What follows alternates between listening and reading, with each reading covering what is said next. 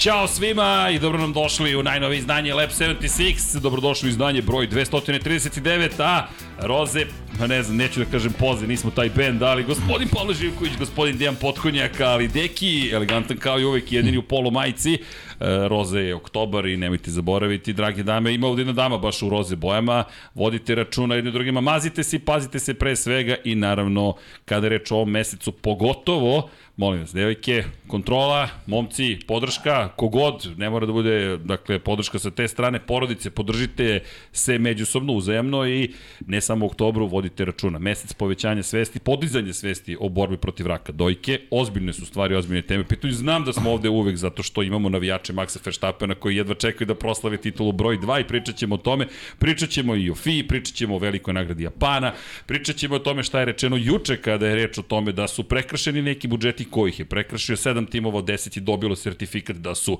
položili što se tiče finansijske kontrole, tri tima nisu, jedan od njih, Red Bull je taj koji je prekršio korišćenje budžeta, ostali Williams, konkretno Aston Martin, administrativne greške su napravili, mnogo tema, međutim najveća jeste svakako Max Verstappen, ali najveća tema jeste zapravo biti dobar. I to je ono čega uvek krećemo i ne zamerite, ali možemo da odvojimo nekoliko minuta za tu priču s obzirom na činjenicu da su to važne stvari, tako da devojke, kontrola, u zavisnosti od dobe u kojoj, ste, dobe u kojoj se nalazite, samo kontrola, pa poseta lekaru, sve to je stvar koja treba da pomogne ukoliko se neka stvar de, rano detektuje, može da se pomogne, može da se možda ispašava život, to su baš ozbiljne stvari. Pa apelujem na sve vas, prosto se podržite u toj cijeloj priči. Ovo je taj mesec roze, oktobar, kako ga mi zovemo, zato smo u ovoliku roze bojama, nije samo što nam dobro stoje, već zato što zaista šalju neku ozbiljnu poruku, kao što rekoh, možda se neki put šalim sa nekim ozbiljnim porukama, ali smo krajnje zapravo ozbiljni I mislim da ovo već očekujete, dobio sam i plavi mikrofon zahvaljujući saradnji sa Unicefom. Hvala Vanja na detaljima, danas Vanja mega raspoložen, nadam se, sutra neće biti tu Vanja, ali bitna priča. I kao što možete vidjeti, potrudili smo se sada i da poruku prenesemo u vizualnom aspektu. Dakle, pojent u sledećem. Za svako dete, UNICEF. I pričali smo o tome i u septembru, pričamo u oktobru. Ej, meni je bio rođendan, tako da sam se ja zahvalio mojoj mami. Zahvalio se tati, jer me ovo podsjetilo na to da sam imao zaista super bezbrežno detinjstvo. I rekao, hvala mama, Hvala tato što o tome nisam morao ni da razmišljam. Nisam imao pojma da imam bezbrežno detinjstvo. To je za mene bilo samo detinjstvo. A pojenta ove cele priče jeste da pokušamo da pomognemo nekim mladim osobama, klincima i klincezama da imaju bolje detinjstvo. Pa eto, koju mogućnosti, zaista ozbiljna priča u pitanju i pričat će tome šta sve UNICEF i radi tokom godine, ali bez vas to ne postoji. Tako da koju mogućnosti u Republici Srbiji, broj 9656, pošaljete poruku 200 ili 500 i postanete mesečni donator. Dakle, ono što smo pričali, da li je malo ili mnogo, kao što uvijek kažemo, nekom je malo, nekom je mnogo, ali pojenta jeste upravo u tome, nažalost nemaju svi detinjstvo kako smo mi imali, za sebe mogu da pouzdano pričam, znam da mogu za Dekije, znam da mogu za Paju, nadam se da svi ovde prisutni, a danas je mnogo ljudi ovde, svi smo bili deca, da smo imali bezbržno detinjstvo, ko nije, svaka čast na ljudima koji ste postali. I da bi neki klinci i klinceze postali, imali mogućnost da budu ljudi koji će sutra činiti stvari boljim, 9656, 200 ili 500 i hvala vam na tome, Tako da je to neka poruka koja je nama mnogo bitna zapravo. Ponekad izadrhti glas, pomisliš samo šta se sve događa, ali ono malo što mi možemo da učinimo kao zajednica Lab 76, eto, to je jedna od stvari koje možemo da uradimo. Tako da eto, to je poziv u svakom slučaju. A kada je reč o stvarima koje toliko volimo, kao što je Formula 1, uh, večeras biće, ja bih rekao, može muzika, Vanja, daj malo teatra Daj malo drame. Svi su tihi ovde. Koliko imamo gostiju večeras? 2, 4, 6, 8, 10, više ni nema, sad stvarno nema prostora. Ali hvala inače za poklone. Ako možemo pogled na, na Paju Živkovića, molim te. Tyson. Paju, šta ti to viri iz glave? To je fikus neki. Pamet, pamet. Pamet, pamet. Ljudi, dobili smo na poklon da. fikus, ni manje ni više koji ima oblik kacige Valterija Bottasa. Dakle, to je šala koja je sada već zaboravljena, ali ja moram se zahvalim gospodi koji su došla i koji kažu da poklon čeka godinu i po, moraju da prođe iza paje. Valtteri je sve samo ne fikus, ali činjenica u tom momentu izgledalo kao da zaista ima ulogu samo ukrasa u ekipi Mercedesa. Tako pa da... nije samo tad izgledalo. ok, Paja kao što vidite neće da. štedeti večeras nikoga, ja mislim da je u pa formi. moram mislim da je zaslužio za taj period. za taj period definitivno. Da. Moram da šta je sad, koja je sada biljka, ali činjenice, to je možda i neka, neka animirana osoba, da biće neko, ja mislim da je sada više povukao gore, ka Irvas ima, s obzirom činjenicu da je pisalo da mu je kućni ljubimac da. Irvas, zanimljivo, dalje onda je da mraz, ne znam. Tako da ovde raspoloženje je u punom sad ima, jeku. ima ulogu učitelja sad. Učitelj Splinter. Uči Gvanju da. Joe sad. Ovaj, Uči Gvanju Joe. Ajmo mi da pričamo o tome šta smo mi naučili tokom ovog vikenda. Ljudi, ajmo da krenemo od prve i osnovne stvari. Da ne bismo i mi pokvarili zabavu što Maxu Verstappenu, što Red Bull Racingu, što njegovim navijačima. Hej, druga titula šampiona sveta. Znali smo da će se desiti, samo je bilo pitanje kada. Desilo se u skladu sa planom. Plan je bio doći u Japan na Hondinu stazi, na trku koju sponzoriše Honda i osvojiti titulu i na kraju dana Max Verstappen je činjenica u haotičnim okolnostima to uspeo, ali to ne manje ono što je postigao 12. pobjeda ove sezone. Bolji od njega po tom pitanju, po broju pobjeda po sezoni su sada samo Michael Schumacher i Sebastian Vettel 2004. to je 2011. u Ferrari i Red Bullu niko više. Čak ni Lewis Hamilton, o tome smo često pričali da bi moglo da se desi, desilo se. Hamilton nikada nije imao uprko 7 titula i 103 pobjede, 12 pobjede u jednoj sezoni, ovaj čovjek zaslužuje sve pohvale. Zaista ne bih da krenemo od svih kontroverzi koje su se desile, već toga, bravo Max, šampionska da. sezona, bravo. Pa, ajde malo kasnije ćemo pričamo o tim nekim Ima ih mnogo. Problematične situacije. Mnogo više, a, nažalost, od ovoga. Bilo ih je, a Max ne zaslužuje da bude deo kontroverzije uopšte, jer ovo je bila jedna dominantna sezona. Ja Mislim da je i prošle godine zaslužio titulu. Mislim da, da trka u Abu Dhabiju iz mog ugla ne bi ni bila ovaj, odlučujući da se poštovale neke e, procedure i neki normativi koji bi trebali da važili, to je neka druga priča, tako da i ove godine a zaslužio šampionsku titulu i mislim da bi njemu više prilaz to dogodilo u Americi nego ovde, pod ovakvim okolnostima, jer ti imaš onu situaciju gde ne znaš svoju titulu, pa i ste sigurni, ti ne vidiš šampionski pehar, ne vidiš ništa, kao da, kao da nije odlučen šampionat, već nešto što se dešava običajeno normalno. Dakle, proslave koje nije ni bilo u suštini, za to su krivi neki, neki drugi ljudi, ali ajde, lepo si rekao da ne kvarimo ono što je vrhunski Samo rezultat, 12 pobjeda u sezoni, to dovoljno govori. Pa eto, i, i ova trka u krajnjem slučaju, pričamo sad o samoj trci, ovoj mini trci koju smo imali, opet je dobro poveo, dominirao, uvećavao prednost. Pa uradio Mislim, posao je, koji se od njega pa, već očekuje. posao koji već je postao standard za njega, tako da nema, nema, šta, nema šta da se kaže osim svaka čast i uh, tako mlad, dve titule već ima, do duše bilo i drugih vozača koji su imali u toj dobi I sa tim brojem pobjeda... trofeje, ali i ostali su na tim brojkama, tako da je pitanje kako će dalje odvijeti njegova karijera, kon će pravcu ići, svakako ima prednost odnosu na, na vršnjake, ali ova sezona dominantna, apsolutno. Da, inače krenuo sam od ovog uslovno rečeno dosadnog dela namerno, jer svi komentari kreću upravo od onog drugog. Šta se sve desilo u Japanu? Šta se desilo s budžetima? Ko je u pravu, ko nije? Kako je pravilnik napisan? Kako je tumačen? Šta smo mi to uopšte gledali? Da li ovako treba da izgleda na trka Formula 1 u kojoj se dodeljuju maksimal, dodeljuje maksimalni broj poena ili ne? Ali nekako sve to je dovelo do toga da Max Verstappen dok izlazi na pobedničko pa, postolje ne zna treba da li je sport da bude tema, treba bude šampion prva tema. Tako je. Ćemo ove prateće da, naravno, da su interesantni. Ali znaš koja je moja teorija? Koja? Da, da oni namerno proizvode ovake, ovake stvari. Da su oni shvatili da je publicitet, da je publicitet važan, to je, to je neko moje razmišljenje, da je važan publicitet, aj, aj, ajmo da pravimo priču e, tamo gde je nema. Jer nema priče. Ajmo da pravimo priču tamo gde je nema, jer će o tome da se priča. A misliš Znaš, da je zaista toliko planski, jer ovo je na pa, nivou makijaverijevskog? Ne, ne, ne, ja to ne mogu da tvrdim. Ja to ne mogu da tvrdim, ali, ali moj utisak je da, da je važno pričati priču. Jer priča u šampionatu realno ne postoji. Max Verstappen je svoju priču ispričao, obezbedio titulu mnogo ranije nego što smo došli u Japan. Ali ti vidiš da, da mi treba pričamo o Maxu, a nas jezik vuče da govorimo o nečem drugom. Da, apsolutno. Zato što je to drugo u stvari priča. Te njihove budalaštine su priča u stvari. Ali prosto te navlači, i ceo svet će da priča o tome. I, I ceo svet opet priča o tome. A ti nemaš sportsku priču ili Max pokvario tu sportsku priču time što je bio dominantan tokom cele godine. I onda uvlačimo naš navijačima, navijačima drugih e, e, vozača odgovara da prave kontroverzu od sezone u kojima su bili neuspešni. Znaš, opet Maksa provlači kroz kontroverzu. Dobro, na Singapur ako vraćaju Maksa, e, provlače Maksa kroz kontroverzu u sezoni u kojoj on bio dominantan, da je bio maksimalan. Znaš, prosto da nije moglo bolje. Imaš dva, dva odustajanja s početka godine, imaš posle trke koji su u 95% na podijumu uglavnom pobede. Znaš, nema, nema nikakve kontroverze. Dominacija, samo je dominacija u pitanju. Ali sve ovo je opet priča, ti pogledaj medije. Mediji, e, svi mediji, svi se bave o, o, onim sporednim stvarima, niko se ne bavi Maxu Verstappenu. Svi se bave dešavanjem u utrci glupostima koji su odigrali. Za neki mislim da nisu toliki gluposti, ali kao, mislim, pričat ćemo o svemu o tom potom. Ne, ja sam namjerno i htio da krenem od toga. Zašto?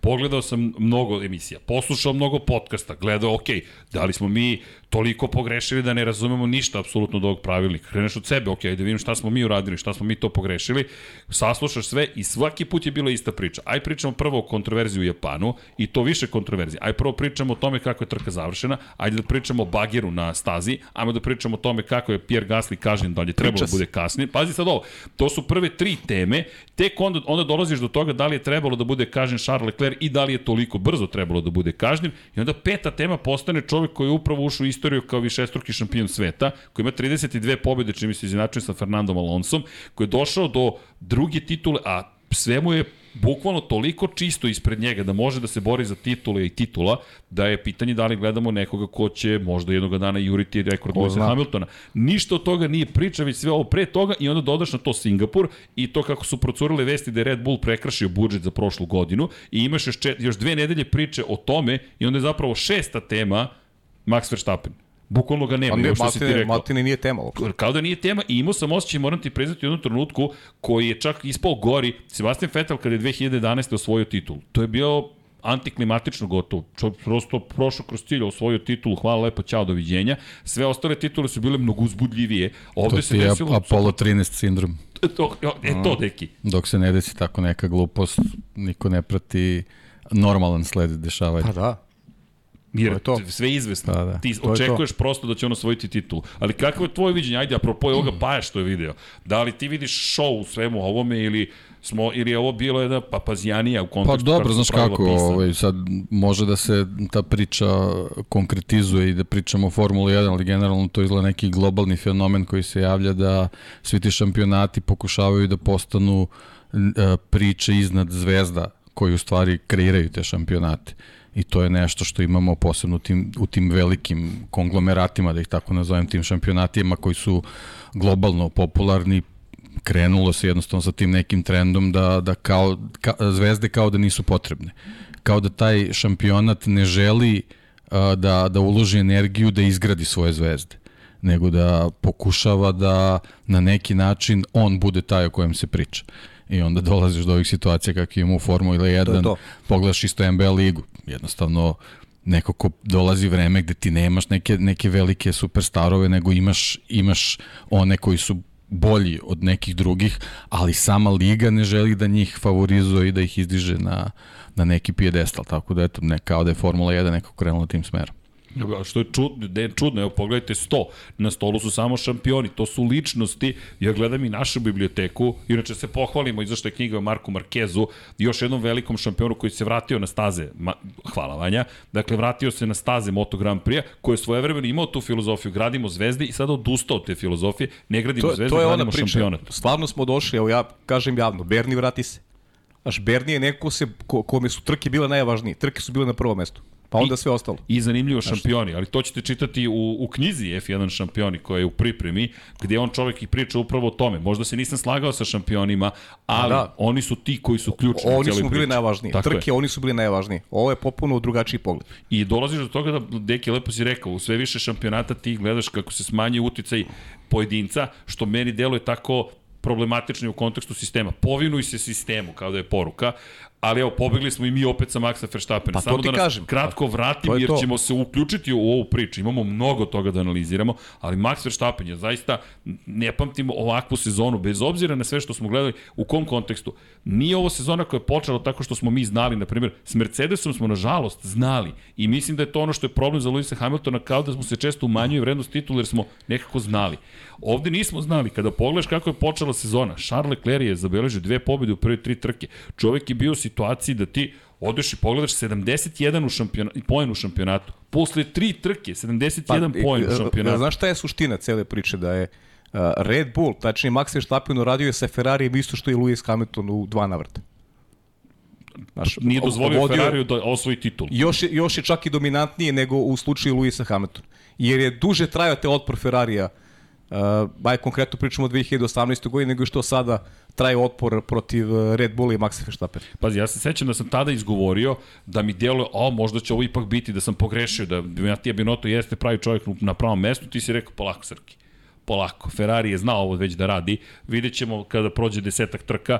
Posle deset trka mi smo bili u potpuno drugoj situaciji. Mi ne da nismo pričali više o Charlesu Leclercu, nego smo pričali o tome da Ferrari zapravo ne zna šta radi u celoj situaciji. Čisto da, da, da stavimo stvari u perspektivu. Dakle, posle tri trke, 71 poen za Charles Leclerc.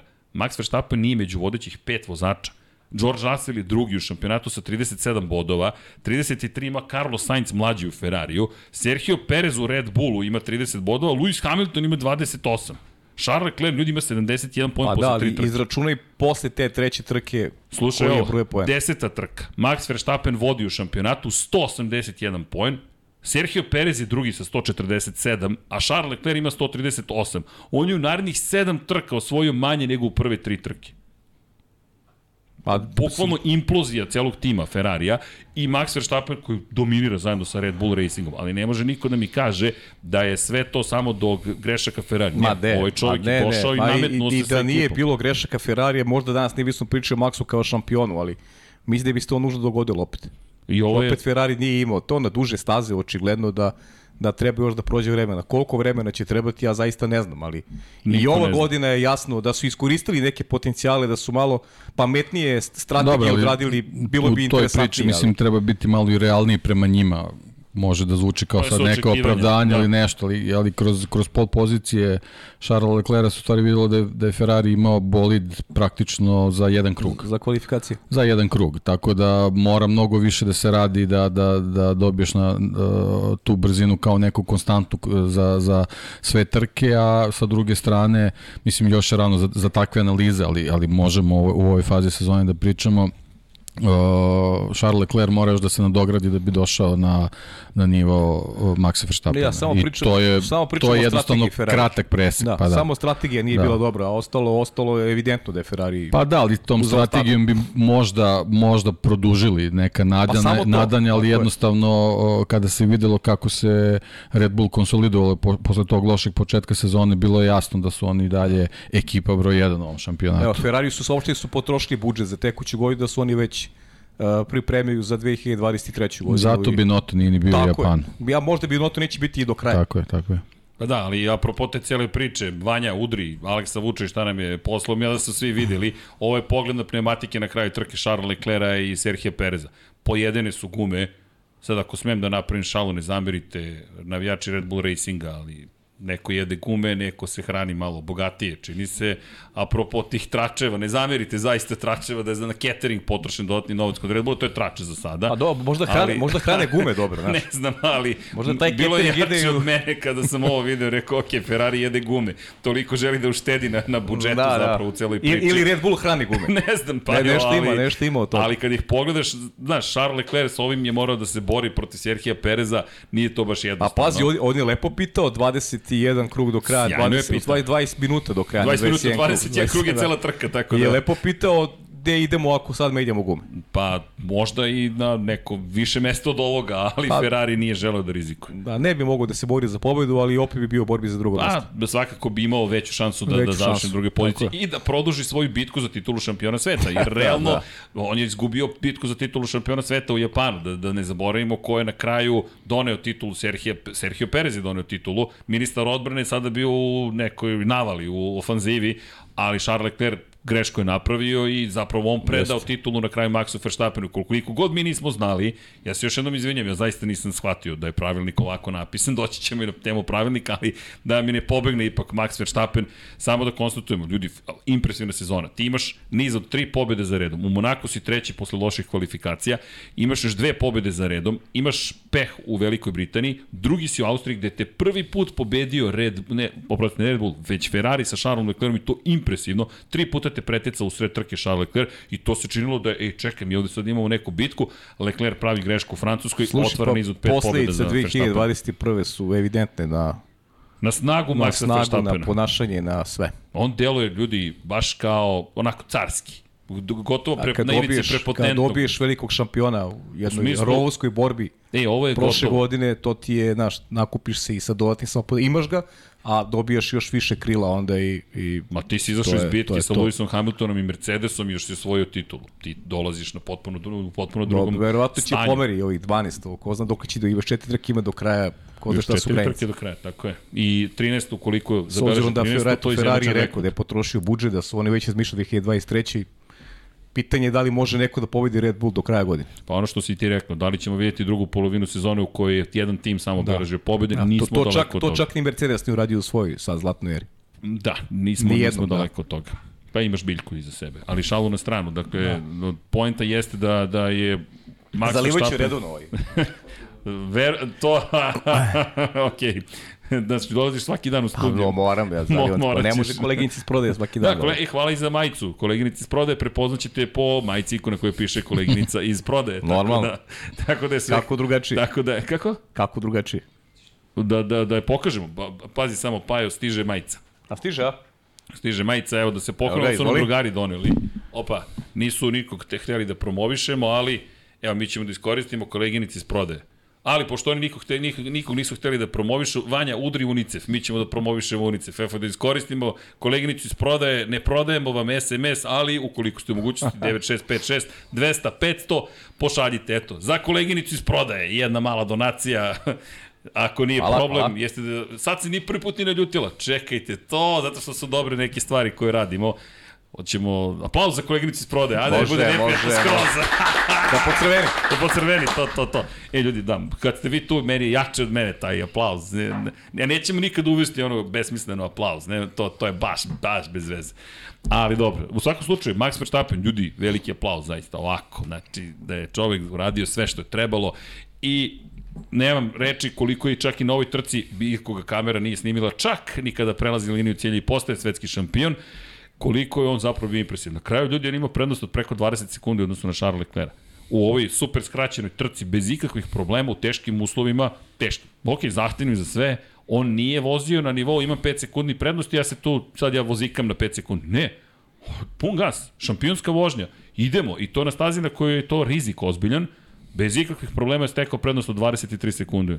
I to je meni isto pokazatelj da taj čovek ne samo što uživa u vožnji, već i dalje na nivou toga, ovo je moj zadatak, ono deki što ti govoriš. Tvoj zadatak je da budeš najbrži. Ok, Jeste. ja ću Pa da dobro, budem da, najbrži. da budemo realni, a ovaj, i Sergio Perez je tu prednost isto u odnosu na Charles Leclerc, sustizao ga je velikom Jeste. brzinom, sećaš se.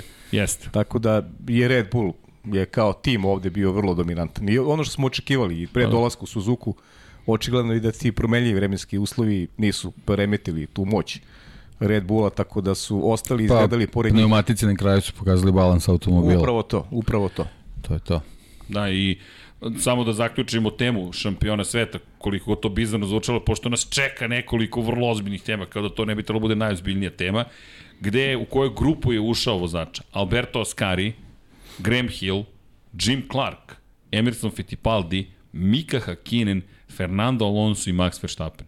Ljudi, ovo su sve velikani Formule 1. Ovde nema ni jednog imena i prezimera koji nije A nema velikan. velikan ko se, pogotovo ko se ponovi, ko osvoji više od jedne titule, to je u Još je sportu odbranio titul. sjajno. Dakle, ovo je... Ako ovo sam su- dobro zapamtio podatak, 17 storica su samo osvajali više od jedne Više titule. jedne titule, da. Da, više od jedne... To je baš, baš onako Tako je. mali Jeste. klub.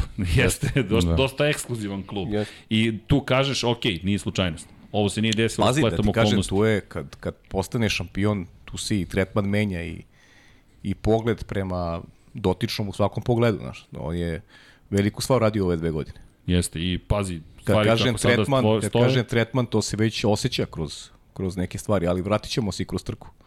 hoćemo. Da, mislim i na neke stvari koje moraju da se primenjuju čak i kada je šampion u pitanju. Hoćemo da pređemo i na tu temu, a tema je zapravo velika nagrada Japana i Pa možemo, da, ima tu, ima je- tu iz mog ugla mnogo spornih, verujem, znam da ćemo se složiti oko svega, ali ima tu spornih, spornih da situacija koje su da uticale na vikend. Ovo je bilo lako Da. zagrevanje, ali dužni smo bili, ja mislim, Maxu Verstappenu da se pozabavimo njime. Jer čovjek zaslužuje sve čestitke. Nekako moj najveći utisak je da li je moguće da je čoveku pokvarena sigurna Bravo, titula. to jeste najveći utisak. Da li je moguće da ste dozvolili, malo pre smo komentarisali, da je velelepniji bio kraj velike nagrade Singapur, evo, but I am not. But I'm not, no. Da, Ovo je njegovo pitanje, pošto se sprema da izađe na, na, na, na pobedničko postolje. Iako su mu već rekli, imao intervju sa Johnnyem Herbertom u kojem kaže, drago mi je što sam postao šampion, imate razgovor kasnije koji je emitovan, gde Max kaže, mislim da su pogrešili da mi nedostaje jedan poen. A znaš da sam ja da, da je Johnny Herbert pogrešio? Ja, svi smo, ne svi, 98% planete je bio ubeđen u to. Nekako e, jedna od naših koleginica iz e, F, F, WFT1 podcast je rekla, žao mi što nisam ja to otkrila. I moram priznati na nivou klasične profesionalne sujete, žao mi što mi, to što ja nisam to otkrio. Da kažem, a sad sam shvatio. Nisam shvatio. Zaista nisam shvatio šta se desilo i Max je prokomentarisao, mislim da mi nedostaje još jedan poen. I Pe, Sergio mu je rekao, baš te briga, proslavi u Ostinu, bolje su žurke u Ostinu.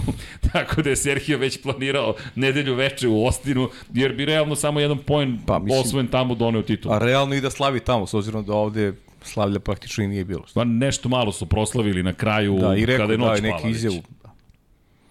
Pa nekako, nekako ti, tu, tužno izgleda ta scena. On prolazi liniju cilja, piše final lap, ali onda povlače taj, tu grafiku da je poslednji krug, onda dolazimo do toga da ga ne prikazuju kako prolazi liniju cilja, to je negde iz daljine, da tamo iz krivine broj 1. I to je bila greška isto, treba je bude još jedan krug i to je bila I, greška. Još dva zapravo, kao što će se ispostaviti iza čega Paju stojim, sad ćeš da vidiš o, par scena koje sam morao da, da isečem i da napravim, jer mi nije dalo mira sve ono što se desilo. Ajmo ovako, Paju, pogledaj ovo. 4 sekunde pre kraja trke.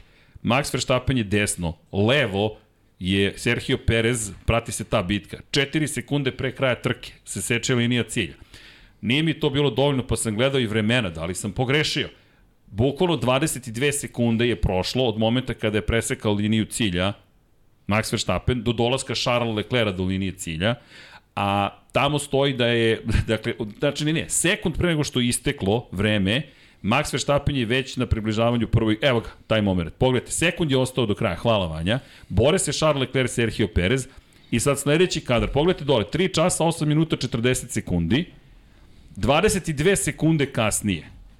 Uz, a Verstappen ima prednost od 25 sekundi, Charles Leclerc seče liniju cilja. Što se poklapa sa time da su 3 sekunde ili 4 sekunde pre kraja, pre isteka vremena presekli liniju cilja. A to je bio poslednji krug trke na kraju. Dakle, trka nije čak ni završena u ovom trenutku. I sad imamo dva problema. Kažu, ajmo, već smo upali u, u, u, u osinje gnezdo. Kažu hard count, takozvani. Kada istekne 3 sata, sledeći prelazak preko cilja je završena trka. Hm, Vanja, izvini, možeš fotke da nam daš iz Monaka? Sergio Perez u kom trenutku prolazi liniju cilja u Monaku. Čisto da se vratimo u Monako, tu postoji zanimljivi članovi zašto je trka trajala 3 časa od planiranog vremena. Zato što iako trka nije počela na vreme, počela je za vozila bezbednosti, ako se sećate, to je bio prvi krug, izašli su iz pit lane-a i to posle sati i desetak minuta čekanja. Po pravilniku, vreme počinje da teče od planiranog vremena početka trke. Ne kada su izašli na stazu, već od planiranog početka trke i traje 3 časa. Trka u Monaku inače trajala sat i 56 minuta zvaničnog trkanja. Dakle, nismo došli ni do 2 časa trkanja, došli smo do 3 sata od kada je trebalo da počne trka. Sergio Perez 11 sekundi pre kraja, on je dole, nije još ni prošao bazen. Dakle, tek će da stigne do linije cilja. Do linije cilja vidjet ćeš kako jedan čika drži prst ovako. To je krug pre kraja. Ovako pokazuje Sergio Perezu. Sad me čak ni publika ne vidi osim naših 11, to jest 12 dragih gosti u studiju, pošto jedan gost uh, ili gošće, ne znam sad, ne može da nas prati pošto je još uvijek u stomaku kod mame, ali je to tako da, gde, koji je prvi podcast kojem si prisustuvala uživo? Lab 76, tako da je to divno. A Vanja, jesi uspeo? Ali Vanja, Vanja, Vanja i ja imamo te dioptrije plus beskonačno ali samo polako. Dakle, pojente je u sledećem. Sergio Perez u ovom trenutku vodi. I Sergio Perez će očigledno prvi proći kroz liniju cilja. Mogu ti pošaljem ja ponovo, Vanja, ako hoćeš da ne pravimo ovo mega giga uh, dugu pauzu dok gledamo Sergio kako prolazi. E, pogledajte kadar. Prst drži čovek, sad ko je ovaj čovek? Ima crvenu majicu i pokazuje Sergio Perezu još jedno, nešto još jedno, još jedan. Vreme je isteklo. Ako se pozivamo na to da posle 3 sata se zaustavlja trka, čim je vreme isteklo, na prvi prelazak sledeći cilja, onda je u Monaku u momentu završena trka. Ali možeš da nam pokažeš sledeći kraj kruga, kada će ovaj isti gospodin zapravo da se ispostavi da je zadužen da označi kada je kraj trke jer drži kariranu zastavu. Hvala Vanja. Dakle, ne samo što nismo imali još jedan krug, pošto vreme nije isteklo za Maxa Verstappena, nego nismo dobili još jedan krug kada je sledeći put presekao liniju cilja. Ovaj, poenta cele priče, možemo i da uprostimo. Vozači znaju pravila. Max Verstappen je započeo taj sledeći krug. Max Verstappen je rekao, meni fali još jedan bod. I, i, I to je suština cele priče. Oni znaju pravila. Ali očigledno da ne znaju te neke rupe u pravilniku da postoje. To nismo znali ni mi. Jer odakle njemu priča da bi da treba još jedan poen da ima da osvoji šampionat. On ima matematiku u svojoj glavi. Baš kao što smo jasno videli u trci da on nije trku završio onog momenta kada je ona u stvari bila gotova. Mi nismo videli karijernu zastavu, ali on je išao još jedan krug da vozi. I On to je bilo evidentno u direktnom krivu, prenosu. jeste. On je išao još jedan krug da vozi jer je znao da ima još jedan krug. Pa direkcija, ne, e, režija To je- nije očekivala uopšte da, da, ga, da ga prikaže kako prolazi kroz liniju cilja. Apsolutno nije ispratila čoveka koji je postao upravo dvostruki šampion Ne treba sveta. ti- ne Zato treba što je režija računala još jedan krug. Pa da, Tako ne, je. ne treba ti veća potvrda od toga da oni sami znaju. A naravno, kad se baviš nečim, pa ti moraš da znaš šta Pazi. su pravila igre. I, I ti sad se pozivaš na sledeće. Doći, će- ovo čak nije ni priča o pravilu o poenima. Ovo je sad priča o pravilu kada se trka Pa uopšte trka završava. kad završa, pa da, to, to je Inače, jedna, jedna režija sve vreme prikazivala tačan broj poena. A, Znači, da. neko u režiji sedao ko To se, se razume u Formulu ko je, 1. Tako ko je, je za grafikom bio Jest. taj koji upravlja Da. i ko je znao Jest. pravilnik bolje od svi pola, ne, ne, 99% planete. Pogotovo, i to nije opravdanje. Ljudi, da, naš posao je da razumemo pravila. Ali ja sad imam problem, ja nemam problem da preuzim krivicu. Jesi ti znao, Apsolutno imam problem Si ti znao Šta? da su puni da poeni. su puni poen? Pretpostavio sam zato što sam uh, ranije u nekim situacijama nalazio tekstove o tome, i, ali nisi apsolutno nisam bio pisao? siguran. Pa, Da, nema bio siguran, da. Nije bio siguran. Sad je glupo ti kažem, sam gledao odloženu trku. Dobro, nije profesore, to, to neće Ne moći. sme da se- Volim nedeljom Smiju ujutro na pijacu da idem Ne i da onda se ne mogu, ne mogu remete Da, da, mi. da, ovaj, da. Ne, ne, ne, ne možeš da remeti Da. pijacu. Da, da, da, da, harmoniju. U dva popodne se gleda trka Formula 1. Da. da, ali postoji tu sad par... Poenta je, trka je počela u određenom trenutku kad je počela se odbrojava 3 sata, da uprostim. I završila se regularno. Sve regularno. Ta trka je trajala 3 sata i to je Dobro, to. okej, Jeste, ali, ali postoji jedan veliki problem. ozbiljan problem postoji. To su poeni. Pa da li, ona je trajala, ona je puna bila, ona je 3 sata trajala i završena je karirana Jeste, zastava. deki, ali to je kao... ka- Ali a to, to ako- piše? U pravilniku, Ne, to je, piše. postoji rupa u pravilniku. Tako je, trka, rupa trka samo da. ako se ne završi regularno, ako se prekine, onda se gleda koliko je krugova voženo da bi se dobio broj Jeste, bodova. i sad, Pa da, okej. i super, Ali to je- I to je to. I to Sad je to to. tako jednostavno, u Pa to je to. nema. Ona je završena karirana zastava. Jeste, jeste, ali pravilnik postoji tu To je to. par problema s kojima ja imam problem. A to je, ove godine je na početku godine rečeno, i to piše, naći ću na sajtu FIE, da je plan da nikad se više ne desi fijasko zvani Velika nagrada Belgije. U kojem je Plan uloženo... je jedno, a papir je drugo. Ok, ali upravo o tome govorimo. Dakle, pravila nisu baš čisto napisana. Pogotovo što u pravilniku, kada pogledaš kako je promenjeno pravilo, to je pravilo koje je uvedeno pre nego što smo imali ograničenje trajanja vremena, vremena trke. Dva sata za aktivno trkanje i tri sata ukupno sa crvenim zastavama. I niko se nije vratio nazad da pogleda pravilo u kontekstu toga ovo može da se desi. I sad, ja imam problem sa time. Da bude situacija, a pa kao, kako vam to nije bilo jasno? Ne, nije mi bilo jasno. Nije mi bilo jasno da FIA, Međunarodna automobilska federacija, može sebi da dozvoli sledeću situaciju. Mi ćemo da sprečimo da se desi trka koja može da traje tri kruga i da se dodele puni poeni. Jer, samo da budemo jasni, kako to kreće? Kreće odbrojavanje vremena, nešto se desi, crvena zastava se istakne. Odbrojavamo ta tri čuvena sata, traje to 2 sata i 40 minuta. Nastavimo trku, vozimo još 4,5 kruga, pet, koliko god, imamo trku od šest krugova i dodeljujemo maksimalni broj poena.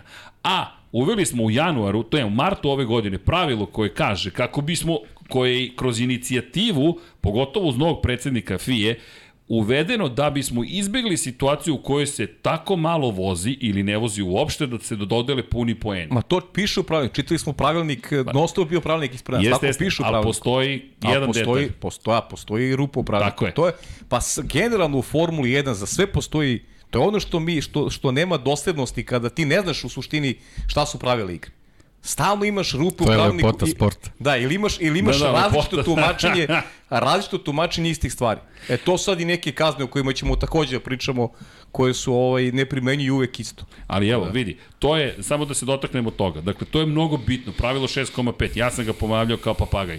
Ne znam da li, da li sam dobio više ružnih poruka u životu osim posle ove trke. Zaista, na nivou toga kao da tvrdim da FIA nije u pravu. Ne, FIA je u pravu, ali imam problem sa tim da je pravilo, kako ne, možete, kako ne znate pravilo. E, evo, ovo piše i potrudit ću se da pronađem zaista kako, su, kako smo došli do toga da imamo situaciju u kojoj ovo nije jasno da se primenjuje u svakoj situaciji. Dakle, imamo ukoliko se trka, inače ovo roze ciklama je šta je novo pravilo odnosu na prethodnu godinu. Cela tabela je uvedena.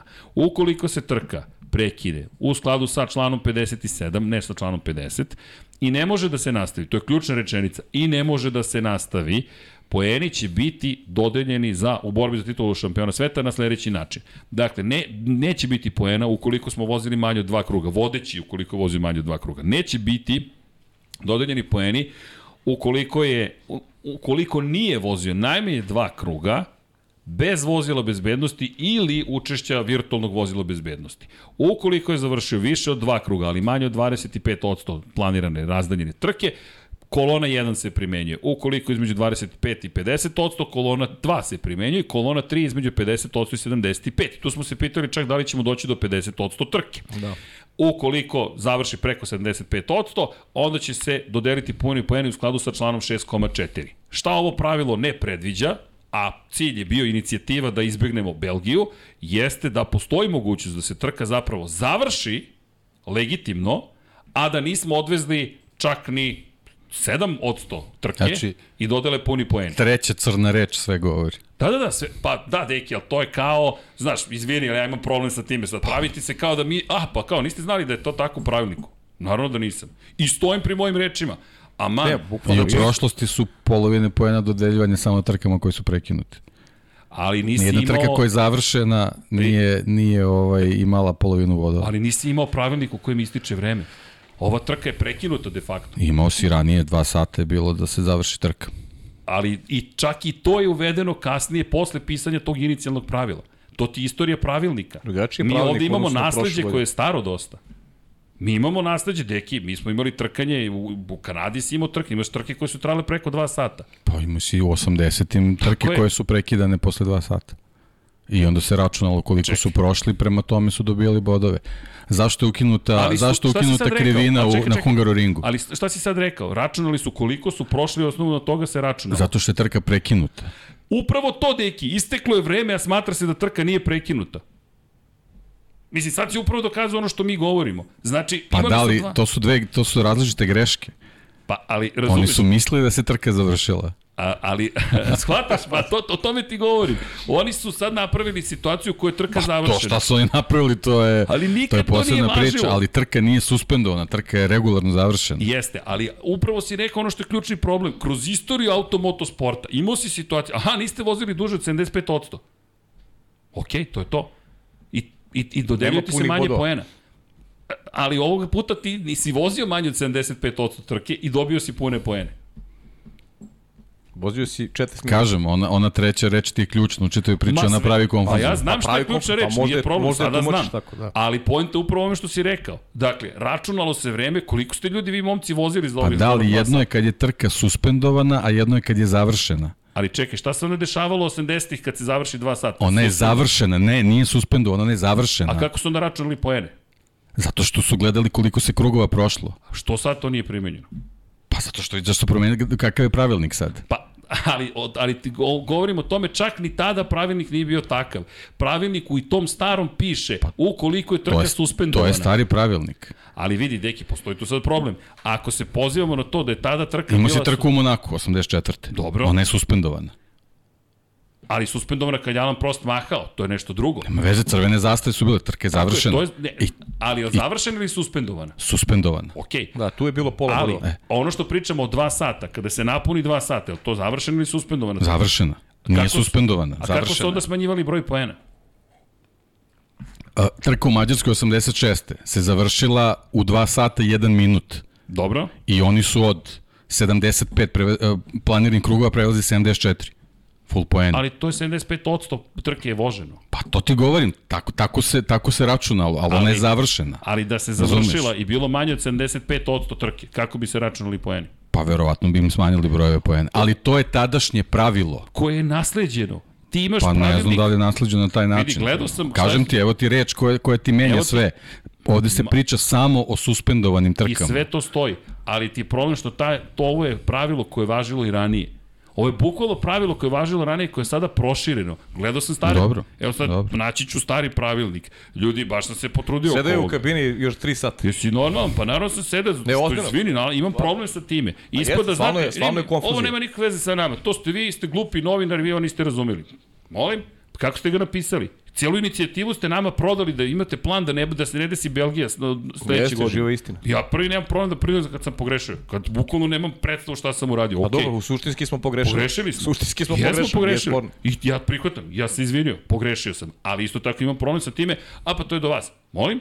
Pa čemu služi Međunarodna pomorska Pa federacija i kao, njena inicijativa? kao što je do Pjera Gaslija. Znači, Jeste, generalno ovde, ovde nije bila priča o pređenim kilometrima, nego o vremenu koliko je trajala trka. Jeste. I to je, na to su se jedino zakačili, to je to. Ali, znaš šta je ironija? FIA je postupila prema svom pravilniku. I opet je uprskala. To je, to je savršena ironija. Ona je, mi tražimo nje da poštuje pravilnik. Poštovala ga je sada. I znala ga je, što je super i tako i treba da bude. Problem je, evo, možeš Vanja da pustiš Instagram Formula 1. Po- Pošto pričamo o tome da je sve jasno, sve je super clear, Da, da, svi oni znaju. su objavili- Pa Ajmo da vidimo šta su sve to uradili. Oni su objavili- Pošto ispade da samo oni su Da, znali, da, niko nije da, znao. da, da. Mm, malo tu problema. Max pobeđuje prvi put u Suzuki, ali titula još nije odlučena pošto usled smanjenja broja poena koje se dodeljuju sa skraćenim trkama i drugo mesto za Leclera, treće za Pereza, što takođe nije tačno. On, Brže bolje. Brže bolje. On nije šampion. To tweetuje Formula 1 i to troj, stoji preko Jeste. 17 minuta. Jeste. Hvala gledaocima koji su nam ovo poslali. Dakle, Formula 1 je rekla on nije šampion. Sama. Ja je nisam ukazio, nisam, nisam rekao. Ja, mi ja pratimo Formula 1. Evo, Formula A 1 možda, tweetuje, možda kaže oni da to... plate naš prenos. Mi nismo, nisam screenshotovo. Možda smo mi krivi za to. Veruj mi, gledali smo sve i sad gledam, Jeste, piše F1. Pa ne, pričam, čitali smo, bre, čitali smo šta pišu i kolege naše. Niko nije rekao da je... Sky Sport. Niko nije rekao da je Max Verstappen šampion, ali bukvalno niko. Evo ga Crofty koji je razapet, što je celu trku ponavljao da je da neće biti šampion. Što su oni izbacili dodatnu koji je grafiku. kolega prvi objavio? Rekao si u prenosu. Ja ne znam, ali mislim da je uf, dalje ne ne mogu da se setim sada. Potražit ću, videću ko je. Ma nije. Ali ali poenta je I onda pokušavam da shvatim, ja sad ne razumem kako sad, i onda, hva, aha, ok, suspendovan, jer sam ja, što najgore, nisam uzeo najnoviji pravilnik, nego ovu prvu promenu, gde je pogrešan član koji ja tumačim, e, to je moja greška, za to se izvinjam za konfuziju, zaista se izvinjam, sramota me, ali pogrešio sam, šta da radim, to je jedini što mogu da kažem, ljudi, potrudit ću se sledeći put pravilnik ko- da bude updateovan od- do tančina, i finansijski, do koga ću tek doći. I onda dođeš u situaciju i sada čitaš. Inače, u pravilniku koji smo mi imali, upućujete na član 57 koji te vraća na član 5,3 u kojem se bave dužinom sprint trke, a ne trkom. Klasičnom. I ti sad kažeš, čekaj, šta smo? Mi smo u petlji. I poenta jeste u petlji i loops and loopholes. Dakle, petlje i rupe. I okej, po, neko je pogrešio, ali cela priča kao, pa ne, ni, e, samo vi niste dobro razumeli.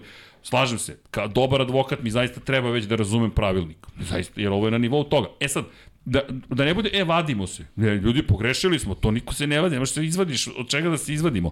Ali, ono što jeste poenta, e, ovo, molim te, Vanja, evo, uh, ubaci, uh, sad ću ti poslati jedan link, o, hvala našem Andrew Bensonu, našem dragom kolegi, evo ti tweet, a onda ću da skinem fotke koje je čovek postavio, čisto da se vidi šta su oni napisali.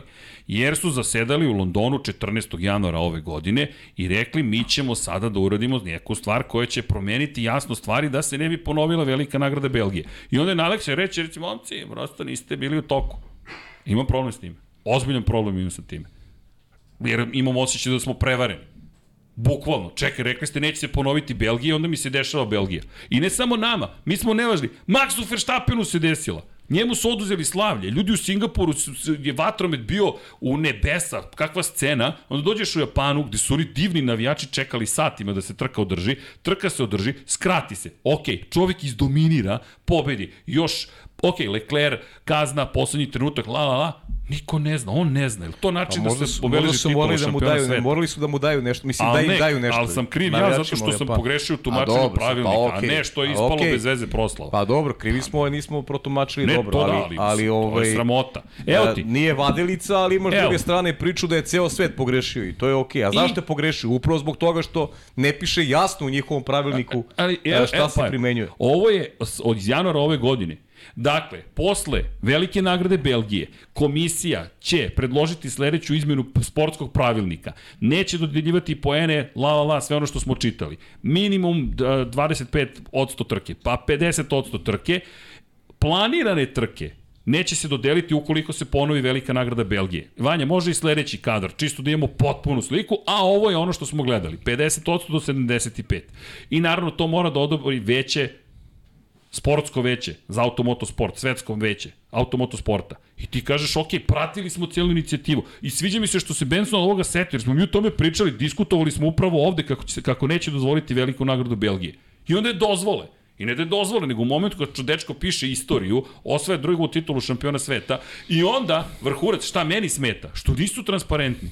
Nisu stali rekli, ljudi, o, pa jes, malo smo zabrljali Pa ja ti ovo. kažem, poenta cele priče da je on sam dečko nije znao. On je sam verovao da mu fali jedan poen. Pa dva kruga odakle, nema. Odakle njemu ta informacija? Odakle njemu da mu fali jedan poen?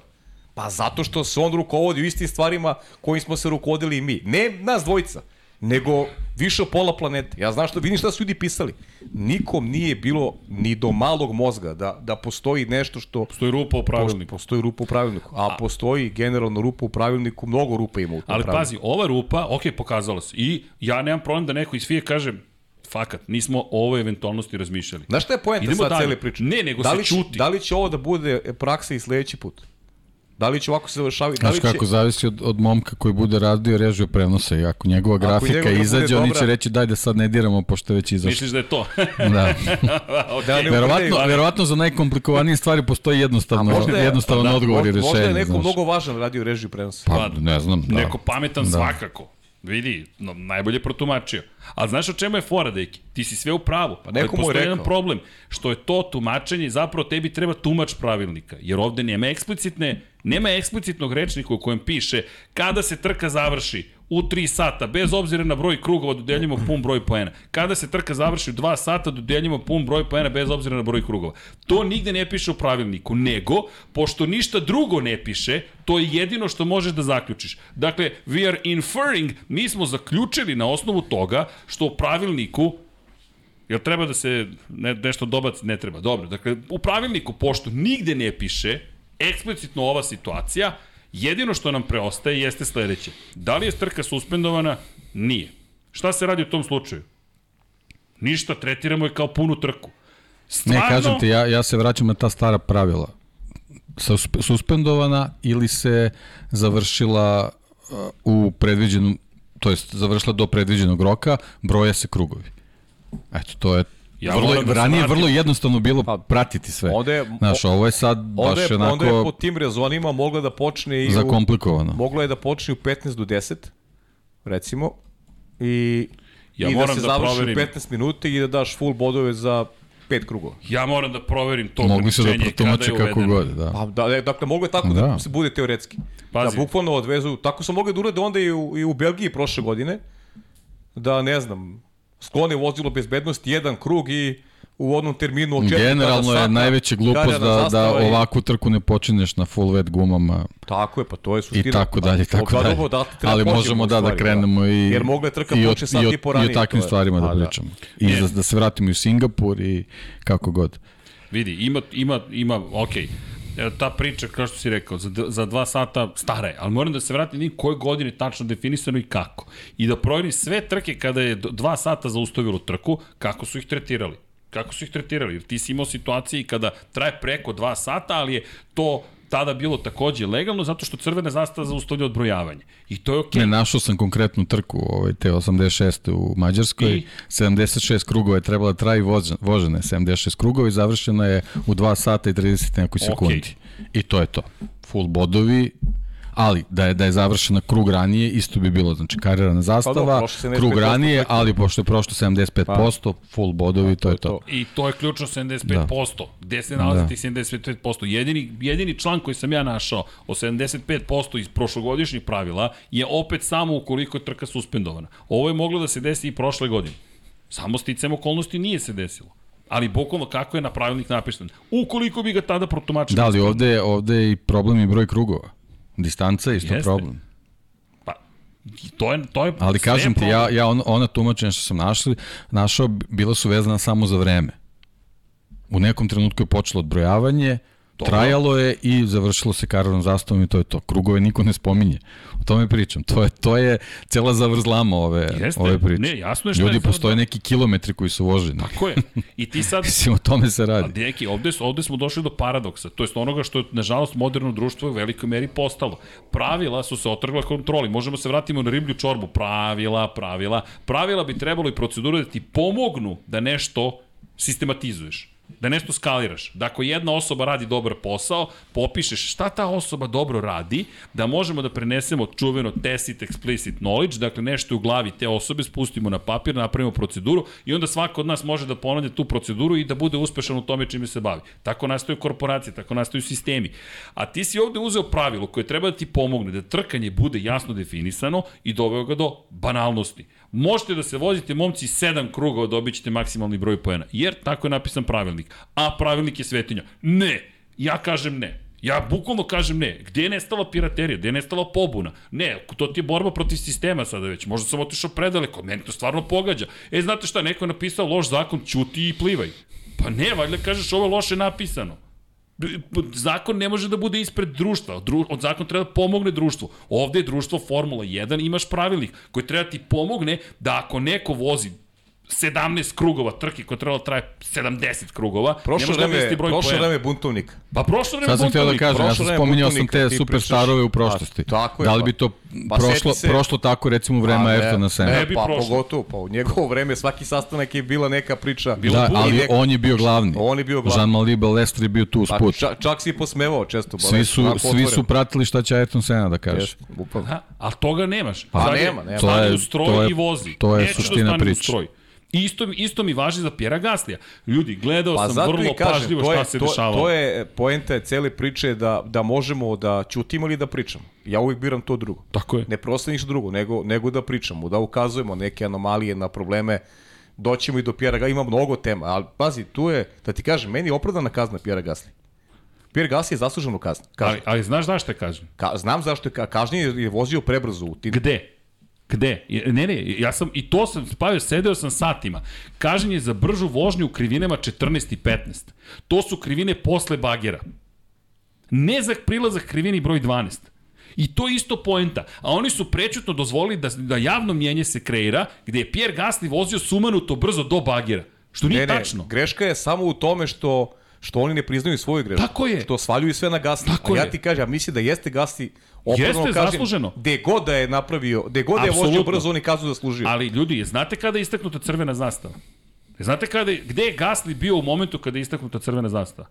Verujte mi, dva dana sam proveo vraćajući sve kadrove i snimke, upoređujući vremena, time kodove i posmatrajući iz, iz slike, iz kadrova vozača. Vozilo bezbednosti se približava šikani poslednjoj. To je kraj kruga. U krivini 12 je izleteo Carlos Sainz. Jeste. Dakle, napušta tamo ukosnicu, kreće ka gore, idemo od nekoliko krivina u desno i dolazimo do kašike u 14. 15. U 12. je izleteo. Pierre Gasly dobija između 1,5 i 2 sekunde, nemam u hiljaditi deo sekunde mogućnost da izmerim, dobija signal sa leve strane, panel se pali da je crvena zastava. Sve do tada je istaknuta žuta zastava i piše SC, to je safety car ili ti vozilo bezbednosti. Ljudi, vozilo bezbednosti, vas dvojica znate, ali ajde da kažem, moram, to je naša obaveza, je period kada ti pokušavaš, ako si izgubio kontakt sa karavanom, sustigneš taj karavan. Kada pustite vozače koji zostaju za ceo krug da obiđu vozilo bezbednosti, ne puštate ih zato što očekujete da će voziti brzinom vozila bezbednosti, nego zato što će juriti da se vrate nazad na, na, na začelje karavana. Pierre Gasly je dobio novo krivo, krilo jer je naletao na reklamni panel i jurio je da se vrati na začelje karavana. Zašto se puštaju vozači da se vraćaju u vod, krug sa vodećima tek kada je sve bezbedno? Pa baš zato što će voziti relativno brzo. Ne najbrže što mogu, ali relativno Pa to, brzo. to je njihova greška, ali je, Tako kažem je. ti, ali je i greška i Pjera Gasly. Ne, ali, ali vidi, Jer ajde se bavimo jedno prepad, da, da nije bilo traktora. Da nije bilo traktora, da nije izašao traktor na stazu. Dobro. Sa vožnjem koji je on imao, mogo je, mogo je tako isto da se zakuca u nije, Carlosa Sainca. pa jo, nije kažnjen za to. On, on ima Okej. pravo tako da vozi. Nije kažnjen za to, ali je mogo da bude kažnjen i za to. On je prešao, ako si gledao snimak, on je i tu da je išao brzo. Man, man, Pajo, on je tek sekund i po pre traktora dobio informaciju da je crvena zastava aktivirana. On vozi pod vozilom bezbednosti. Ne sme ništa da bude na stazi u tom trenutku. To je poenta, što se sve prebacuje na Pjera Gaslija. Ne, da li je ne, zaslužio pre- kaznu? Pa, to da. što on je prebacio, ok, ali Tako ima i je. njegove krivice. Ima krivice, Ima ali, i njegove ali krivice. ne za to. On je vozio pod vozilom bezbednosti do krivine broj 11. I dobija sekund i po pre toga signal da se crvena zastava aktivira. Po onoj kiši, izmaglici i svemu, imaš LED panel sa leve strane koji se pali u tom trenutku i ekipa mu sekund kasnije javlja red flag, red flag. Slušaj, ja- On je i- već pustio gas kod i, traktora. I ima i njegove krivice, ali je veća krivica. Traktor nije smeo tu da bude, ali i on je, i on je kriv za, za, ali za tu pogledaj situaciju. kako završava rečenicu. Doći ću do Gaslija, ali ja neću da pobegnem od toga čovjek Ne, je pa- optužen pa- da je jurcao. Nije jurcao, on je vozio kako se Formula 1 vozi pod vozilom bezbednosti. To je poenta. Nisam baš siguran da je vozio kako Pa se vozi jeste, Formula 1. nije pretak, pa to je poenta Pajo. On je, on je taj koji je u pit lane-u, vozilo bezbednosti na stazi. Evo ispravite me, jeste nekad videli da ne sustižeš karavan? A Sustižeš karavan, to ti je posao. Ti moraš da stigneš, jer u tom trenutku vozači misle da će trka biti nastavljena, da sledi leteći start. I on čovek vozi kao što se vozi za vozilo bezbednosti. Njegovo vreme nije maksimalna brzina. Brže je nego pod crvenim Slušaj, zastavama. postoji nešto što ne piše ni u pravilniku. Postoji nešto što si ti sam osjetiš moment kako treba da voziš u nekom, u nekom momentu. Dakle, nije sve napisano u pravilniku, ima nešto i tvoje lično. Ali to, Znaš- to ne važi do krivine 12. Njega čak ni FIA nije kaznila za to. A dobro, FIA, FIA, nije... FIA, nije regovala ni, ni za šta, za što ima veze sa traktorima i to je najveća sramota. Taj traktor smo pričali, to je sramota, ali, Ali- ali, ne može on da bude amnestiran od, od svoje greške. Ja sam gledao isto što si ti gledao, nisam vidio do kraja tako. Ma Pajo on do krivine 12 nije kažnjen. Čak ni FIA ga nije kaznila za vožnju do, do, do traktora. Čak ni oni nisu imali problem s njegovom brzinom do traktora. Njega su kaznili za prebrzu vožnju pod crvenim zastavama u krivinama 14 i 15. To piše u njihovoj odluci. To piše crno na belo, oni su potpisali to. Jesu postupili po pravilniku? Jesu. Ali je lažna priča da su to uradili zato što je on prebrzo naišao na traktor. To nisu rekli. Nego zato što je posle traktora vozio prebrzo, pod crvenim zastavama. To je njihovo, to je njihovo pisanije. Nisam ga ja izmislio. Potražite, skinite na Njihovo internet. pisanje. Bukvalno, ali Pajo, a kajmo se držimo, jesu, jesu rekli, jesmo rekli malo pre u pravu su, pravilnik su protumačili kako treba. Jesu. Jesmo mi krivi što nismo znali u kompletnosti kako se tumači pravilnik? Jesmo. Jel su oni krivi što ti uopšte treba tumačenje pravilnika? Jesu. Da li su u pravu bili za kaznu Charles Leclerc? Moje mišljenje, jesu. Okej. Većinu stvari je FIA uradila kako treba po pravilniku. Pierre Gasly da li kaže po pravilniku? Oni kažu da jeste. Za prekršaj u krivinama 14 i 15. A prilazak krivini 12 niko ni ne spominje. Njegovu A zašto kompletnu ga ne vožnju. spominje? Pa ne spominje ga zbog traktora. A, ali, Zato što je tu njihova krivica. ali da li, Ne, nego spomenje se zbog uh, oznake na tabli. tako je. Oznaka na tabli On, on ne može da zna da je na stazi nešto. Ne može. On ne sme, ne, ne sme ništa da bude na stazi u tom momentu. Tako ljudi. je. Ne sme. A na stazi je ni manje ni više jeziva scena gde ti imaš naranđasti bager koji, koji je nažalost bio objekat u koji je uleteo Žil Bjanki, što je dovelo do Malte njegove na isto pogibije. mesto, samo sa suprotne strane staze. Suprotne strane staze. Jer to je jako kritičan deo staze, pošto se tu odvaja uh, mali krug i tu se prave, bukvalno se potoci vode, vode pravi i tu izletuje Adrian Sutil i posle njega Žil Bianchi. Imam problem sa reakcijom, kao što imam problem sa... Ali evo, daću ti, daću ti primer. Žil Bianchi je recimo. nastradao zato što je po žutim zastavama vozio brzo. Da. I Razumeš? zato je izmišljeno virtualno Ali vozilo Žil bezbednosti. Bianchi nije vozio, uh, ne Žil Bianchi, nego Pierre Gasly. Pierre Gasly nije vozio brzo pod žutim zastavama, nego pod žutom zastavom koja je označavala safety car. I tu je srđan u pravu. On je žurio da stigne kolonu. Ali on ne može, ne može da zna da je traktor na stazi. Jer traktor to ne treba da bude. Traktor, Ne treba, naravno da traktor ne treba izlazi na stazu bukvalno kad se svi bolidi sklone sa staze. I to je, to je, I to je to, veliki to mora, problem. to, to ne, ne da bude pravilo, nego ja ne znam kako to, jel postoji neki termin iznad reči pravilo. To, to, to je nešto, ja ne mogu da verujem da oni nisu naučili o čemu se trudi. znaš- I tu je ono što stalno problem? pričam i što zagovaram. Znači, u Formuli 1 koja vrti milijarde evra, oni nisu u stanju da, da obezbede profesionalne sudije i redare. I to me užasno nervira u Formuli 1, užasno mi smeta. Super je da neko hoće da bude volonter i to je sve fenomenalno, ali ne možeš ti da budeš volonter u situacijama gde neko rizikuje život.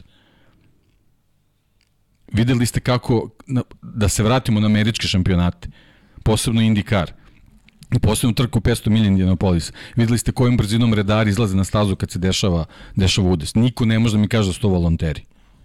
Niko ne može da me ube- ubedi u to. Znači, IndyCar ima organizaciju uh, profesionalnih lekara, redara i tako dalje i tako dalje. Ja ne mogu da verujem da jedna Formula 1 koja je teška ne znam koliko milijardi ne može sebi da obezbedi da ima profesionalne redare na stazi. I zato mora da osjeti pritisak vozača, kao što ga osjeća.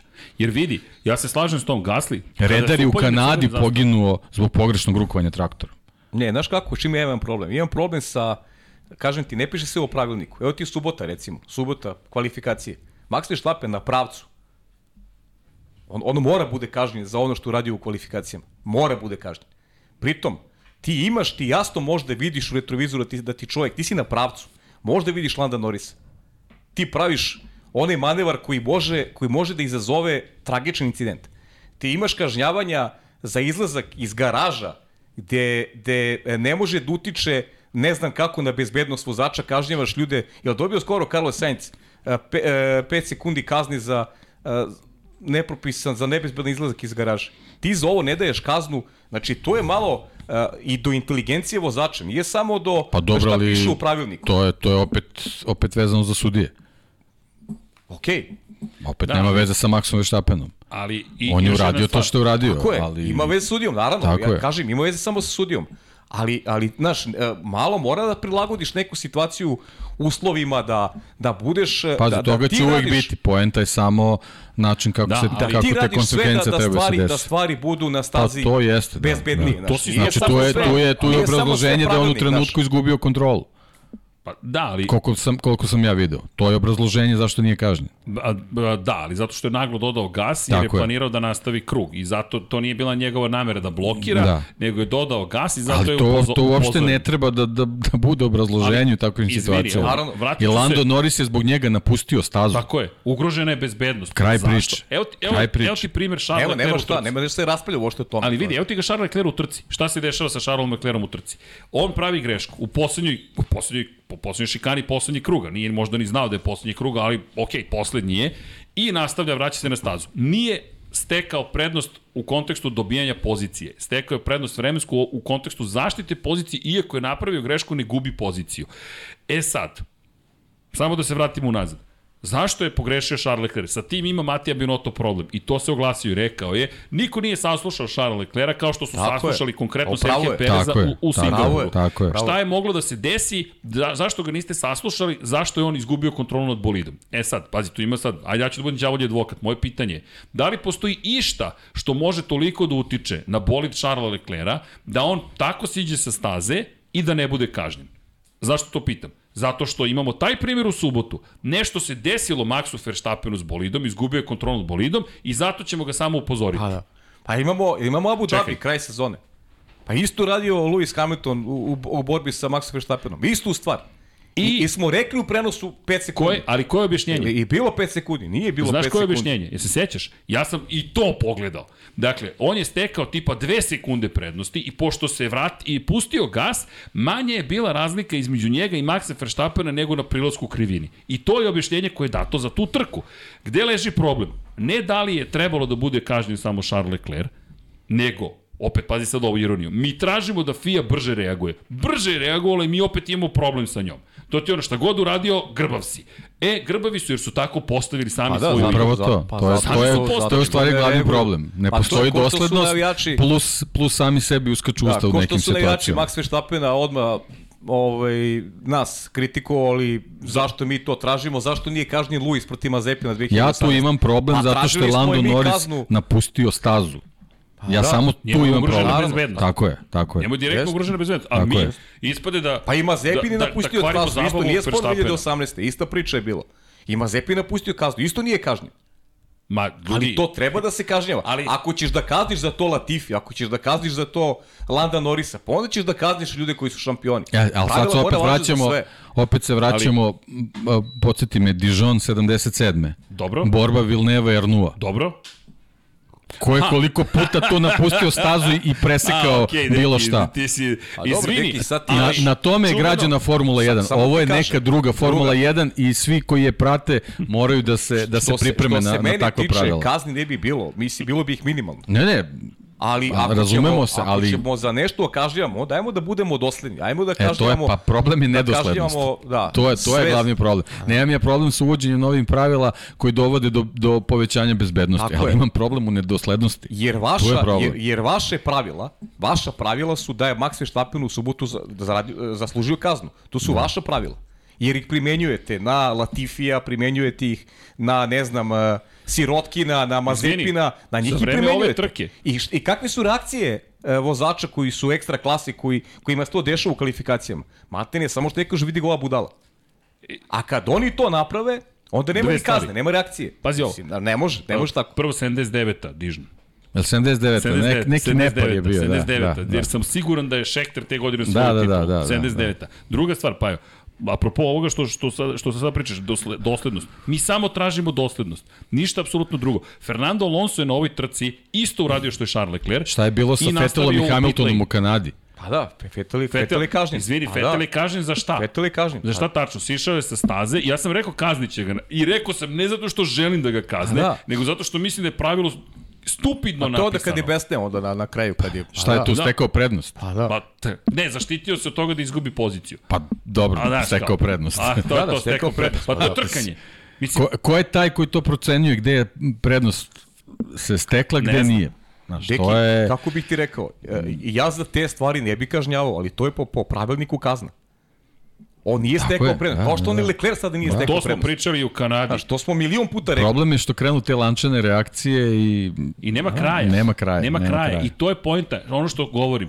Kad ti pravilnik postane veći od sporta, on je izgubio smisao. Pravilnik je počeo da se piše da bi omogućio svima da imaju jasnoću u gledanju i tumačenju onoga što se A desilo na stazi. to je tako I za da, svaki sport. i da doprinesu povećanju bezbednosti. Tako, Ljudi, to je primarno To je ono što ja stvar. imam problem Ali sa, to je- to sa je- zelenim, to je početak. zelenim površinama u Moto Grand Prix. Početak podcasta, Deki, uh, ovo sad nije samo tema Formule 1.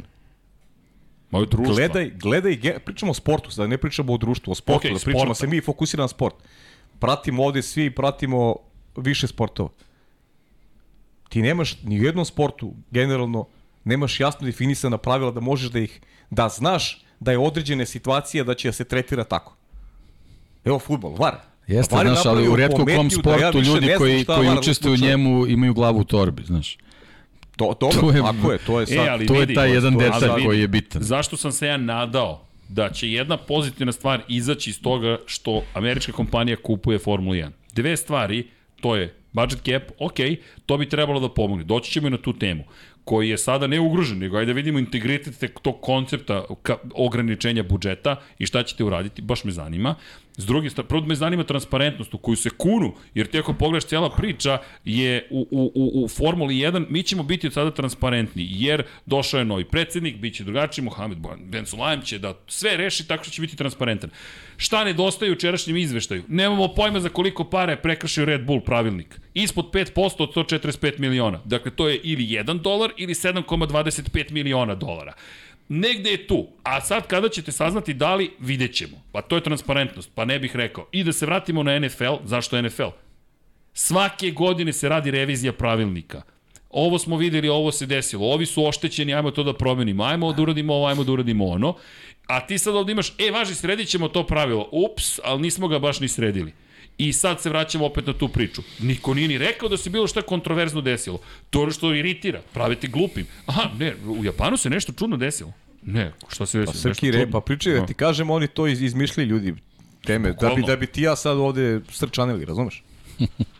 I da bi Vo, ljudi svi, da bi ljudi pa gledali. evo ti srčanost. Pa to jedna, ti kažem, to, ti to je... pričam. Ljudi, pa volite priča se. se o tome, znaš, priča se o tome. Kad nema sportske priče, ima druge priče. Ne ima, znam šta je, šta je point, što kroz istoriju Formule 1 ja ne znam za šampionat koji je bio čist. Ali uvek smo pričali o akterima na stazi. Tako da. je. Ja nisam, nisam pričao ni o Bin Sulajemu, ni o Masiju, Mada, ni... Mada 89. A da. o kome smo pričali. Dobro, zato što je on želeo da Samo ti bude u kažem, centru tako pažnje, je, ali, ali nisi postoji- imao sistem, imao si jednog čoveka Koji je- koji je želeo da, da, da, da, da, bude... postoji Postoji, razlika svih, između da. Masi i ovih danas. Ajde. Šta da li? Ili postoji razlika između Masi i ovih Pa danas? ovi samo nemaju ime. Ja mogu nešto... Pa ne- pa, znaš zašto e, ga pa nemaju? je isto problem. Pa znaš zašto ga nemaju? Pa Da ne bi nemaju, prošli nemaju ko priču. Masi. Nemaju priču koje, nemaju sportsku priču. Ali, Ali, ali sa glupostima ne zostaju. u, pa jo, Ne zostaju za Masijem, stvarno. Evo, evo, ja se sad izvinjavam Masiju. koliko god. E, ali ima dve stvari. ozbiljno. Čekaj, sad nisi čuo celu priču. Posle Masije, evo, došli su E, Posle materija. Masija, Masi. Ali ovo je mnogo bitna tema, Da. zato što smo sad došli do nevidljivog autoriteta. To ti je bukvalno put ka diktaturi. Nevidljivi autoritet je rekao. Ko je taj nevidljivi autoritet?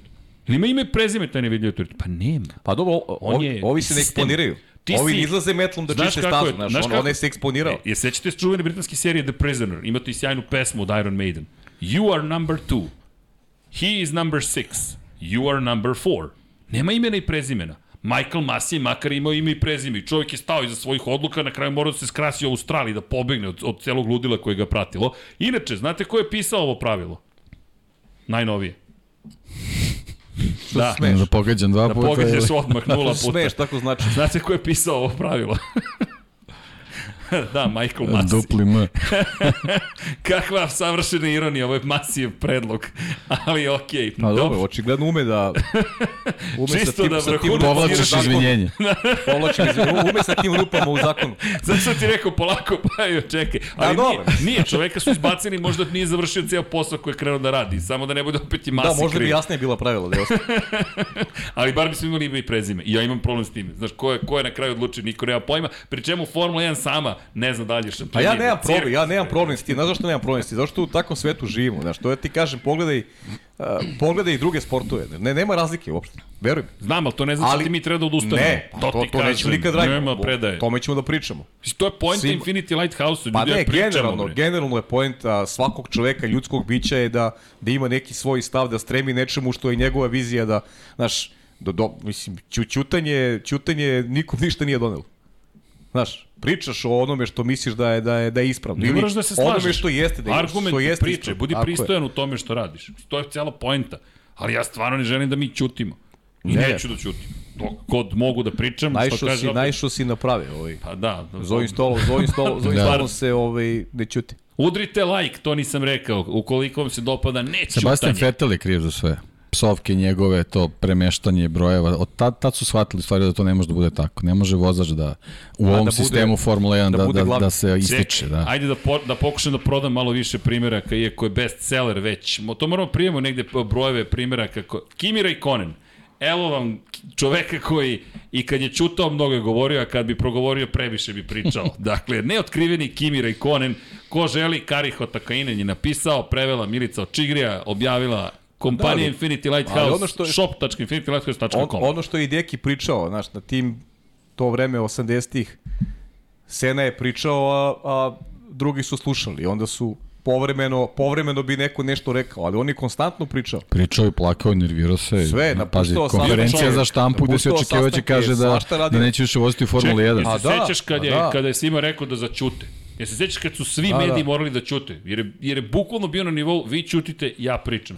I na- sad ću da vam kažem šta mislim. Nažalost, samo, samo jednu odluku je pogrešno doneo, što je vozio tu trku Imoli, a, a želeo A je da je ne vozi. tako je. A želeo je da je ne vozi u stvari. Eto, to je, to je najveća njegova greška. Ispostavilo se kobna po, po njegov život.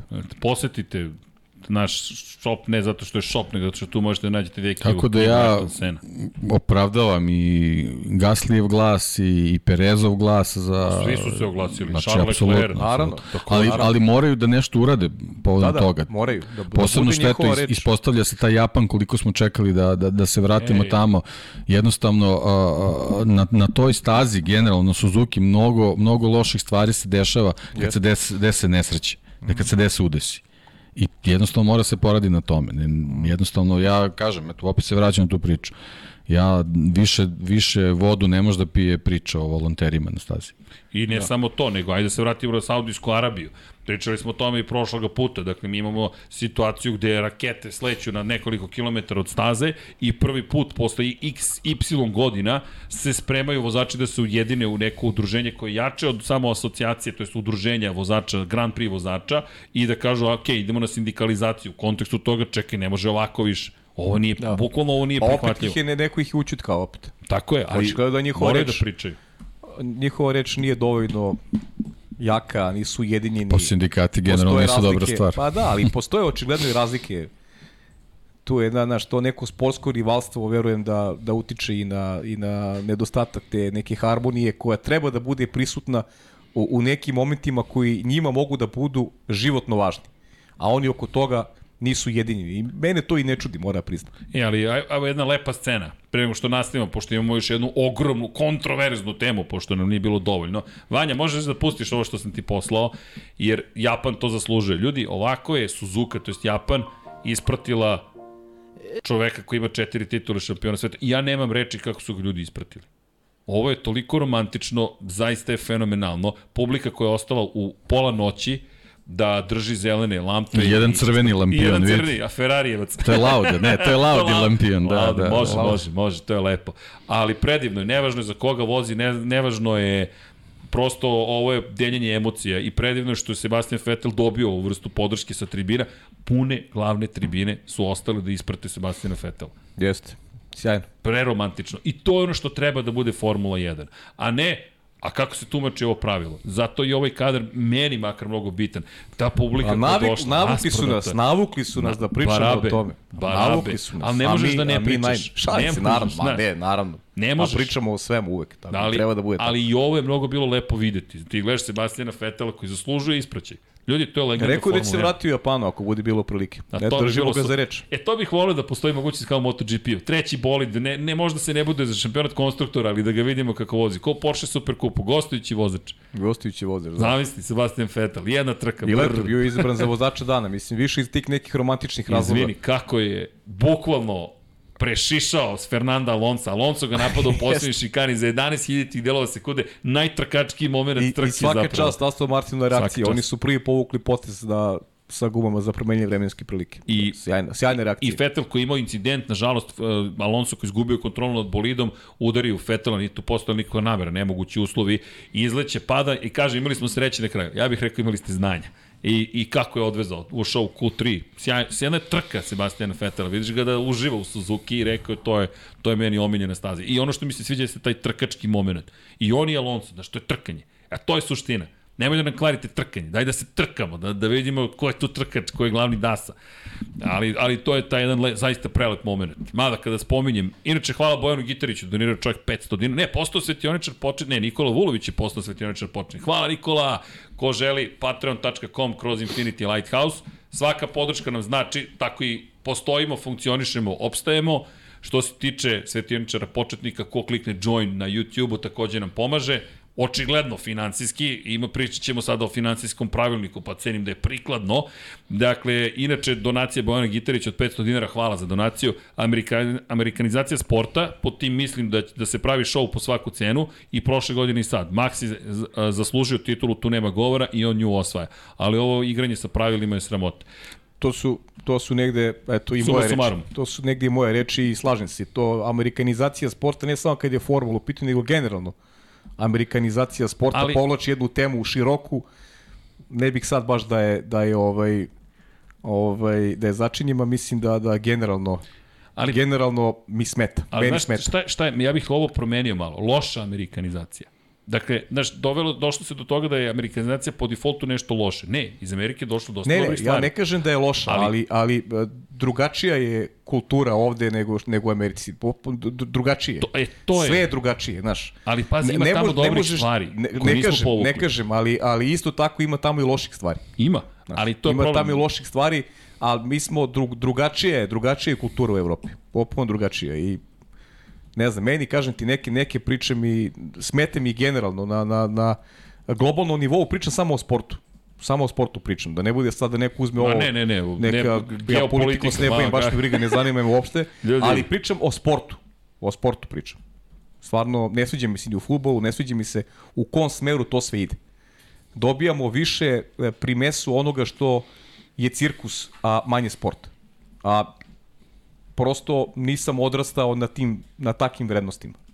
Malo drugačije kapiram sport od onoga što se sada nudi kao kao uh, neki kao simbol. Pa dobro, cirkus koristiš vratno u nekom pežorativnom smislu. Pežorativnom, ja da. volim cirkus, znaš, ali ne volim kad nešto krene da bude neka jeftina zabava.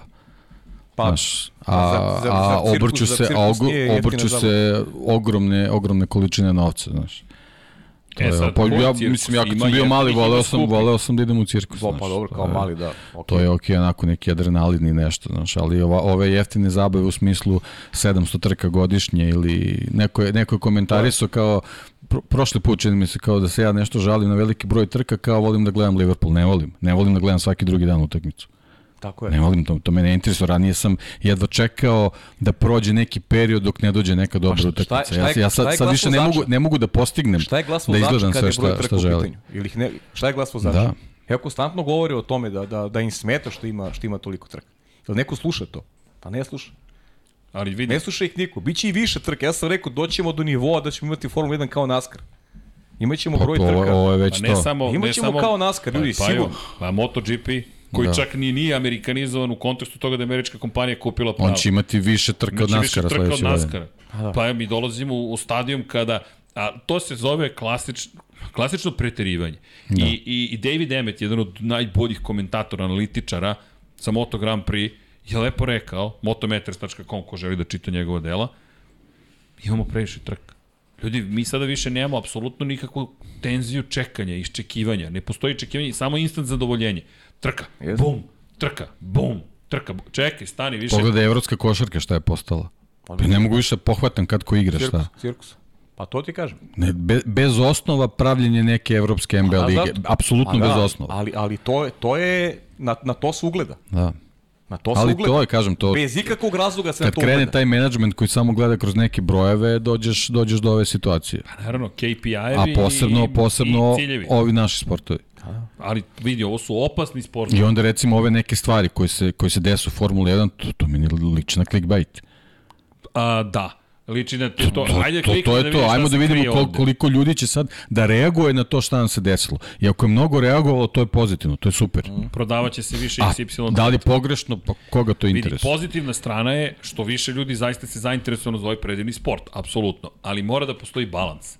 Mora da postoji balans u kontekstu toga da jednom momentu ćemo doći do nečeg što je neodrživo. Jer to je kao hiperinflacija. To će da se naduva i bit će toliko trka, na kraju dođeš u situaciju, čekaj, sam ispratio sve trke, a koja beše trka, Ja se sećam trke? Ja ne znam. Evo, ko se seća celog sleda događaja na velikoj nagradi Monaka? Se neko seća cele velike nagrade Kanade. Se neka seća nekog istorijskog momenta i to je problem sa hiperinflacijom. Kad ti nemaš dve nedelje da ti mozak uopšte složi kockice i kaže čekaj, uf, što je bilo dobra trka. Ne, da čekaj, jedva- da jedva ajmo, čekaš nešto. Da jedva čekaš, tako Jel ne je. može, ne može svaka godina da bude kao 2021. Mislim, ljudi, mi prvi To su- treba to su da, anomalije. da navijamo navodno za što veći broj trka, imamo više čemu da pričamo, da se više... Pa da, nama je u interesu generalno. ali, ali mi nećemo da ćutimo čak Ja bih tu. više voleo da su uveli da ima pet vikenda nekih treninga i testova nego što su napravili trke. Iskreno. Da, Ali, I, ali, to, se, I to se pratilo. ali, Jeste. Vrlo se pratilo. jeste. ali, imamo još jednu kontroverznu temu. A čekaj, hoćemo da kontroverznu temu ili ćemo da se da prvo uradimo analizu trke Cijele kompletne, cele trke, pa onda da se bavimo kontroverznom Ajde temom, vi a? kažite, šta vi mislite? Ja mi, Sve jedno. ja, Dobro, da- kako hoćeš, ajde. Zaberite tako, vi. Ajde. Ne, ljudi, meni je sve jedno. Ako ti je do kontroverzije, ajde. Pa nije mi do kontroverzije, Šalim nego je ajde, velika ajde. tema. Ajde, ajde. Znaš, ajde. toliko tema da, da evo, ko je bio sedmi u trci, ko zna na pamet? Znaš, Evo, Boris, inače, Boris, jao, Boris. čekaj, jao, ko je nama u studiju Ti si večeras? našao, ti si našao Pitaš Borisa koji je Jao, bio. na, naš... On zna ko je bio sebi u NASCAR-u, a Da, on je dežurni penzioner, ljudi, dakle, to je naš dragi penzioner, pozdrav za penzionera kad se šali sa nama, sad ne može da kuca, da četuje istovremeno. Ko kaže, mislim, a, grešim, Već, silno. već mi je slab, već mi je slab. Ne pratim. Za pravilnik za slava mi pa slava mi Slava por- poruke, pa, izvinite normalno. gospodine Trutin, ali nisam ispratio. U, ža, u žaru sam borbe, ali nije borba nikog nego pričamo, nego pojnta je u tome da zaista imamo veliku kontroverzu, od koje, koju čekamo dve nedelje da, vid, da rešimo. Znali smo da nećemo rešiti Izašlo je saopštenje juče Međunarodne automobilske federacije, vratit ćemo se na trku, ne brinite, ali ovo je mnogo bitna tema u kojem se kaže da je odbor za sertifikaciju podnetih budžeta, to je bukvalno revizija budžeta, dovela do toga da sedam timova dobije sertifikat za prošlu godinu, 145 miliona dolara je bilo ograničenje budžeta, je, dakle, sedam timova ispoštovalo i sertifikovano je. Tri ekipe nisu. Williams je kažnjen sa 25.000 dolara finansijske kazne zato što je kasnio sa podnošenjem izveštaja, nema nikakvog prekršaja u samom izveštaju, dakle proceduralna greška je u pitanju. Aston Martin je nešto učinio, ali ne znamo šta, toliko transparentnosti, ali nije prekršio budžet, već je proceduralnu grešku napravio. Ne znamo kako će ih kazniti, pretpostavljamo finansijski. I dolazimo do onoga što je najveća tema i najveća ekipa Red Bull Racing, koji kažu da je prekršio dakle ograničenje budžeta od 145 miliona dolara za manje od 5%, što dolazi u onaj kontekst pravilnika da. financijskog minor breach. E sad, samo da napomenemo, minor je tu reč koja kaže manji prekršaj, ali postoji ozbiljan tu problem u rastegljivosti tih 5%, jer 5% od malo je malo, kao što smo rekli, 5% je mnogo je mnogo, a ovde je potencijalno 7,25, to je 7 miliona 250 hiljada dolara gornja granica prekršaja manjeg od 5%. Dakle, 7 miliona 249.999 američkih dolara. Ne znamo koliko su prekršili budžet i to je ono što je najveći problem. Netransparentnost ponovo Međunarodne automobilske federacije. I sad, kako će ih kazniti? Nemamo pojma. Prvo ne znamo da li će ih kazniti, jer Red Bull već dve nedelje priča o tome. Prva stvar, ajme da se samo razumemo. A to prva što stvar, je... mi ne znamo kolika je cifra još. Ne znamo. I ne znamo da li ćemo saznati. Pa mislim, znaš, jer, ti je... Pa izvini, znaš šta postoji u pravilniku? Postoji sporazumni dogovor. Dakle, da dođu, sporazumeju se o kazni, ona bude primenjena i niko nema pravo da uloži žalbu na tu kaznu. Samo se dogovore. Šta god da se dogovore i to je to. E sad, postoji tu još jedna stvar. O kontroverzi može opet samo da spekulišemo, ništa više. Šta može da budu, šta mogu da budu kazne za ovaj prekršaj? Rekli smo prošlog puta, sportski pravilnik, tehnički pravilnik, finansijski pravilnik. Društveno koristan rad. da, tako je, između ostalog. Dakle, pod stavkom, da, stavkom dakle, član 9.1, stavka B, manji sportski prekršaj, bi mo, finansijska kazna je pod A, dakle mogu, može da bude kažnjen, ali sportski, sportski kazne su problem. Javno upozorenje ili ti javni ukor, to smo već videli kod Maxa Verstappena, javno je ukoren za, za grešku koju je napravio, nije on jedini i drugi veliki vozači su kažnjeni javnim ukorom, nije da im nešto previše znači. Ko Bart Sims. Bukvalno. Da. Dakle, besmisleno je. Zatim, stavke 2, 3, 4, 5 i 6 postoje zbiljnije. Oduzimanje poena u šampionatu konstruktora, koji se desio tokom perioda u kojem je prekršen. To je 2021. Oduzimanje poena u šampionatu vozača za period kada se dešava prekršaj. To je 2021. Max Verstappen, šampion, Sergio Perez. Četvrta stavka, suspenzija. Dakle, iz više etapa takmičenja ili takmičenja, ali ne i same trke, kako bismo bili precizni. Šta to znači? To znači da mogu da im kažu ne možete da vozite trening broj 1, trening broj 2, trening broj 3. Čisto excluding for the avoidance of doubt the race itself. Dakle, neće ipak biti suspendovani iz trke nego iz potencijalnog kvalifikacija i treninga. Dakle, kazna, ali nije strašna. Zatim, ovo može biti strašno. Ograničenje mogućnosti da se obavljaju aerodinamička i druga testiranja i smanjenje budžeta za naredni period. I sad, pošto ne znamo koja je veličina prekršaja, ne znamo ni koja bi mogla biti pa veličina. Pa šta možemo samo da, da nagađamo? Da, ti kažem da, znaš, I nema, to to. Nema, nemamo priču mi. Kao što možemo da nagađamo da li je zaista bio prekršaj vezan za catering. Pa da. da, to je šala, da, da, to su puste, to je bio da. clickbait. Dakle, inače nema veze s cateringom, da znate. To je samo da šala, evo i, i jedan od gledalaca se javlja kaže to je holandski jedan novinar pustio A, kao da. trač. Bukvalno je trač, to je, ali je to zaživelo kao, kao da, to je, to je kad nemaš opet, eto, to smo pričali prošli put isto. Imaš te neke stavke i sad možeš da, da tumačiš biraj. to kako, biraj, kako ti želiš. A to da imaš jasno neki, neki jasni pravilnik o tome. Ja sam ti rekao prošli put, šta bi ja radio? Ja bih oduzao budžeta sledeću godinu. To je I onda sledeći, kazna. sledeći prekršaj, ako pređeš 1 evro budžet za sledeću godinu, sa tim smanjenim budžetom za to koliko si sada prekoračio budžet, kazna će biti drastična. U smislu oduzimanja bodova i, i, i, i ne znam, ono, oduzimanja onoga što si, što si eventualno osvojio. Ali za 1 evro bi, bi kaznio drastično. Zašto je ovo mnogo bitno? To je to. Me zašto je ovo mnogo bitno, moje mišljenje? Dodatno važno u odnosu na neke druge godine koje će doći kasnije. Ovo je prva godina primjene ograničenja budžeta. I mi već imamo situaciju da je jedan od najmoćnijih timova, najbogatijih timova je u prekršaju. Pa Iako, dok to tako ide. Da, ali pazi sad ovo, da. ali Red Bull Racing je rekao da je iznenađen i razočaran onim što su zaključci komisije i da će pažljivo pratiti dalji tok i reagovati u skladu sa onim što se bude dešavalo na sve moguće dozvoljene načine. Da sebi ostavlja slobodu da reaguje. I između ostalog to podrazumeva i tužbu. To podrazumeva da angažuju svoje advokate koje mogu da priušte i da sa FIOM uđu u sudski proces. E sad, to je klasična strategija pregovaranja. Desilo se ovo, mi vam ovde dajemo skrivenu pretnju. Skrivena pretnja je, pazite šta radite, jer Red Bull kontroliše dve od deset timova, dve od deset ekipa. Dakle, to nije mali tim, ni u kom slučaju, ali ne samo što nije mali, nije samo Red Bull Racing, već i Alfa Tauri u celoj priči. I poruka je, to je moje tumačenje, javna, ajmo da pregovaramo, da se nađemo iza zatvorenih vrata i da vidimo šta se ovde desilo. Jer, kažu, mi kada smo podneli naše, naše budžete i dokumenta, ništa nije prekršeno. Ono što je FIA rekla, prekršaj kaživanja.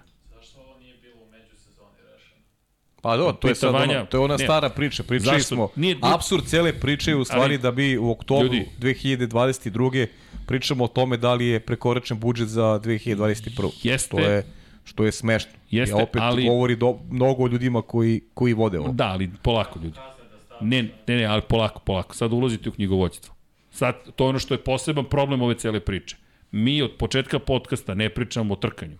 Mi smo sada pričali o sportskom pravilniku, sat 1, 25 minuta smo posvetili novom dvostrukom legendarnom svetskom šampionu, a sada ulazimo u knjigovodstvo. Gde bi bilo bolje da pozovemo ekipu našu iz FIPOS-a, Mariju, da sedne ovde sa nama, da nam objasni gde. Ne, ne, ovo je sad ozbiljna stvar. FIA je rekla, Red Bull nije, ljudi, ovo, ovo će biti jezivo dosadno, mnogo važno. Ovo je dosadno, ovo nije trkanje. Dakle, ne znam, neka mi ne zamere knjigovođe i FIPOS i svi ostali. Volim vas, ali mene... Vidjet ćeš sutra kad ti zazvoni da, da, telefon. Da, telefon, ali mene to ne uzbuđuje. Da, da se korigujem, meni je to dosadno. Verujem da je nekome uzbudljivo, kao što nekome je dosadna Formula 1. Meni je to dosadno, ali to je deo naše, našeg prosto, ljudi, šampionata. I sad, ti kada podneseš dokumenta, fiskalna godina se završava Zvanično 28. februara. Do, u Evropi. U Evropi. U Japanu ne. E, I ni u Americi. U Americi počinje 1. jula.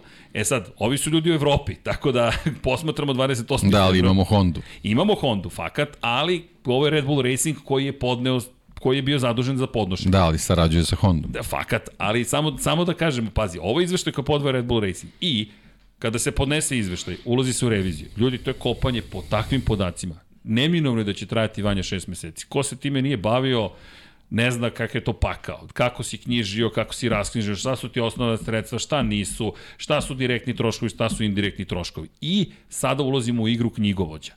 Poenta je onoga što je FIA negde naznačila da nije u pitanju samo, nije, ne smatraju da nije prekršen, dakle da nije Red Bull trošio nužno više para nego je pitanje kako je knjižio te pare koje je trošio. Što onda implicitno dovodi do toga da je možda, pazi samo možda, jer to je na nivou klevete ako kažeš sigurno, mi ne znamo šta se desilo, možda prekršio pravilnik. Ili ti, potrošio sam pare X, koje utiču na Y, ali pošto nisam ja direktno trošio na Y, onda to nije prekršaj, zato što sam tako knjižio.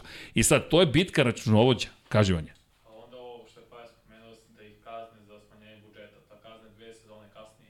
O, vidi, vidi Vanja. Vanja kaže, moje, to ako ga kazne za smanjenje budžeta, to će biti za dve sezone. Ne znamo, Vanja.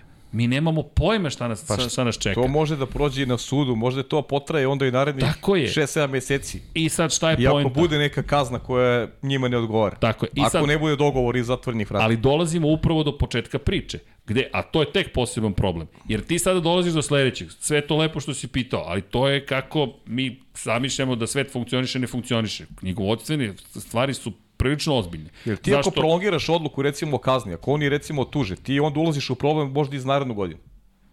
I za više godina. Da ne bude, da ne bude kazne, a da Ali- počne već nova sezona 2023. Ali pa dolazimo... Jer će oni da tuže, da mislim, to je... ali dolazimo do suštine problema. Jer gde, sad, gde je problem? To je, to je početak problema. Samo mi dozvolite sekund, malo više od sekunde. Dakle, ti sada imaš, imaš situaciju... sekund.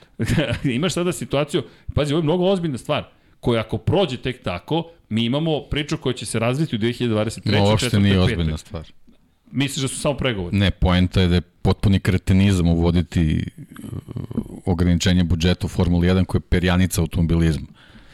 I umesto da ulažeš ali u redare sada- i redarske službe, ti plaćaš dobro, neke to- to je- revizore Tek sad otvaraš, i... otvaraš Ma, temu X. Ne otvaram, nego neću da učestvujem. Dok, ne, doći ćemo, ne, ali moramo Ne da želim da Pazi, učestvujem. doći ćemo do teme. Ali pazi šta- Apsurdno je potpuno. Ovo, ovo, re- s- samo slušam tvoju priču zadnjih par minuta o čemu pričaš. Tako je, ali, to je- to- to mi je ali pazi, neverovatno. mi smo dužni, ja sam Pa dužan dobro, da Ne, ne, ne. pričam. Ali Razumeš? tema je ali- zato što, ali znaš, tema kad je- je usvojen taj budžet, Ali- mislim, znaš, ne, ne, ne možeš da ne pričaš. Ali vidi, A pričaš o, o nekom uvođenju nekih ekoloških goriva, ne znam čega, pritom ograničavaš budžet. I, a uvodiš nove trke. ne ograničavaš, ne, ne, ti ograničavaš da. deo budžeta. Pazi, Ma. nisi ograničio budžet. Nisi, nisi, šta nisi ograničio? Nisi ograničio plate vozača Tako i nisi ograničio plate trojice najvažnijih ljudi u vozača, ekipi. Najplaćenijih ljudi profesionalaca.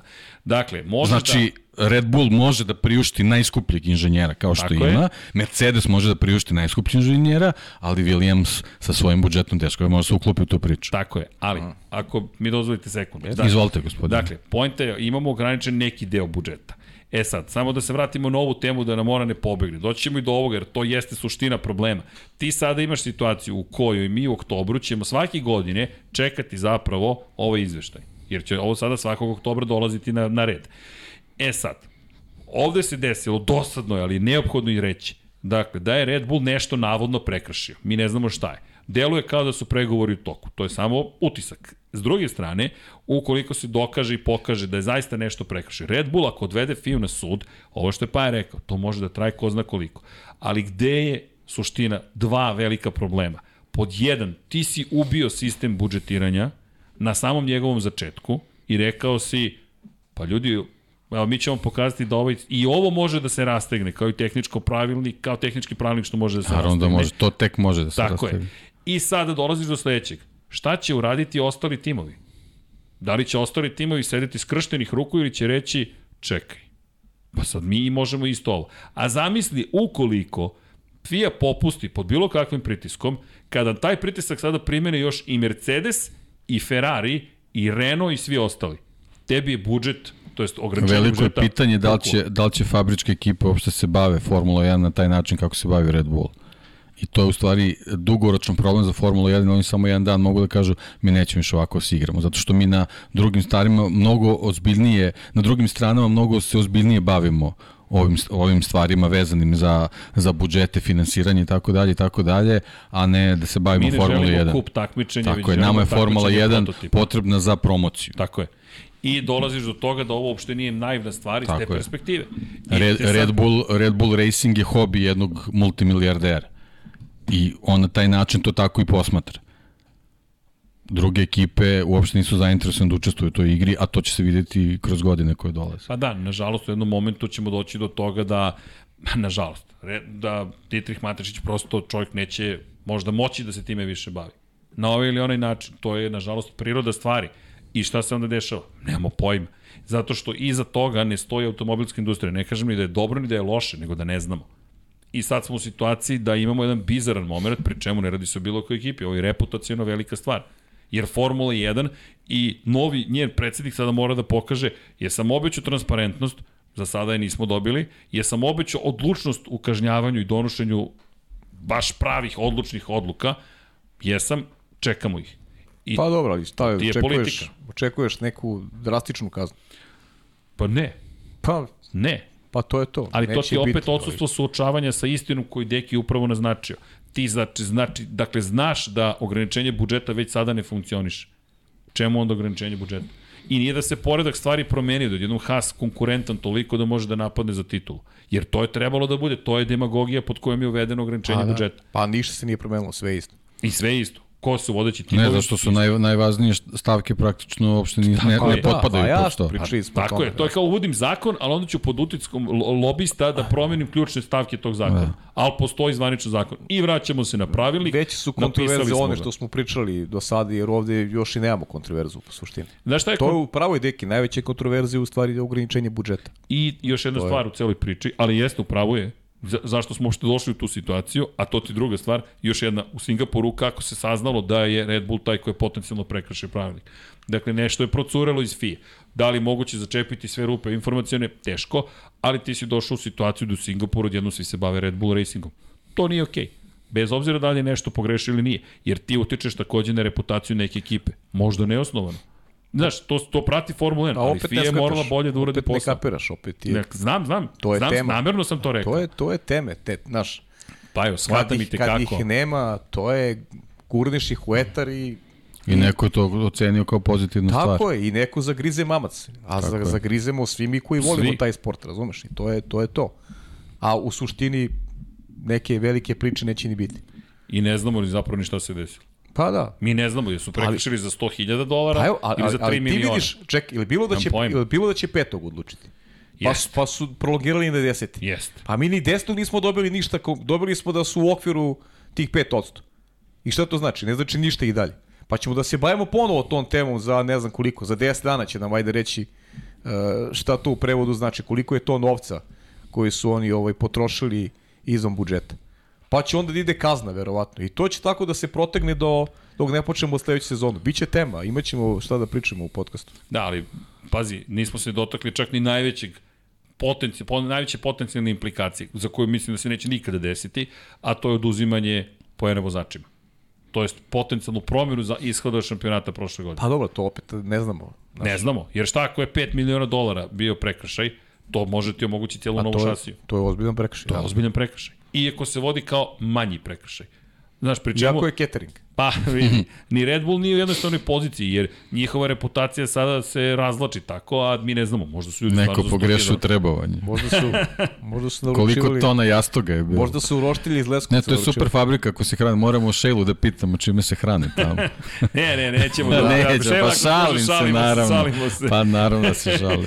Čekaj, doćemo i do fantazije i kao ko tamo hara, ko vlada, kakva je situacija. Da li imamo dvostrukog šampiona Da, i da. tamo ili ne.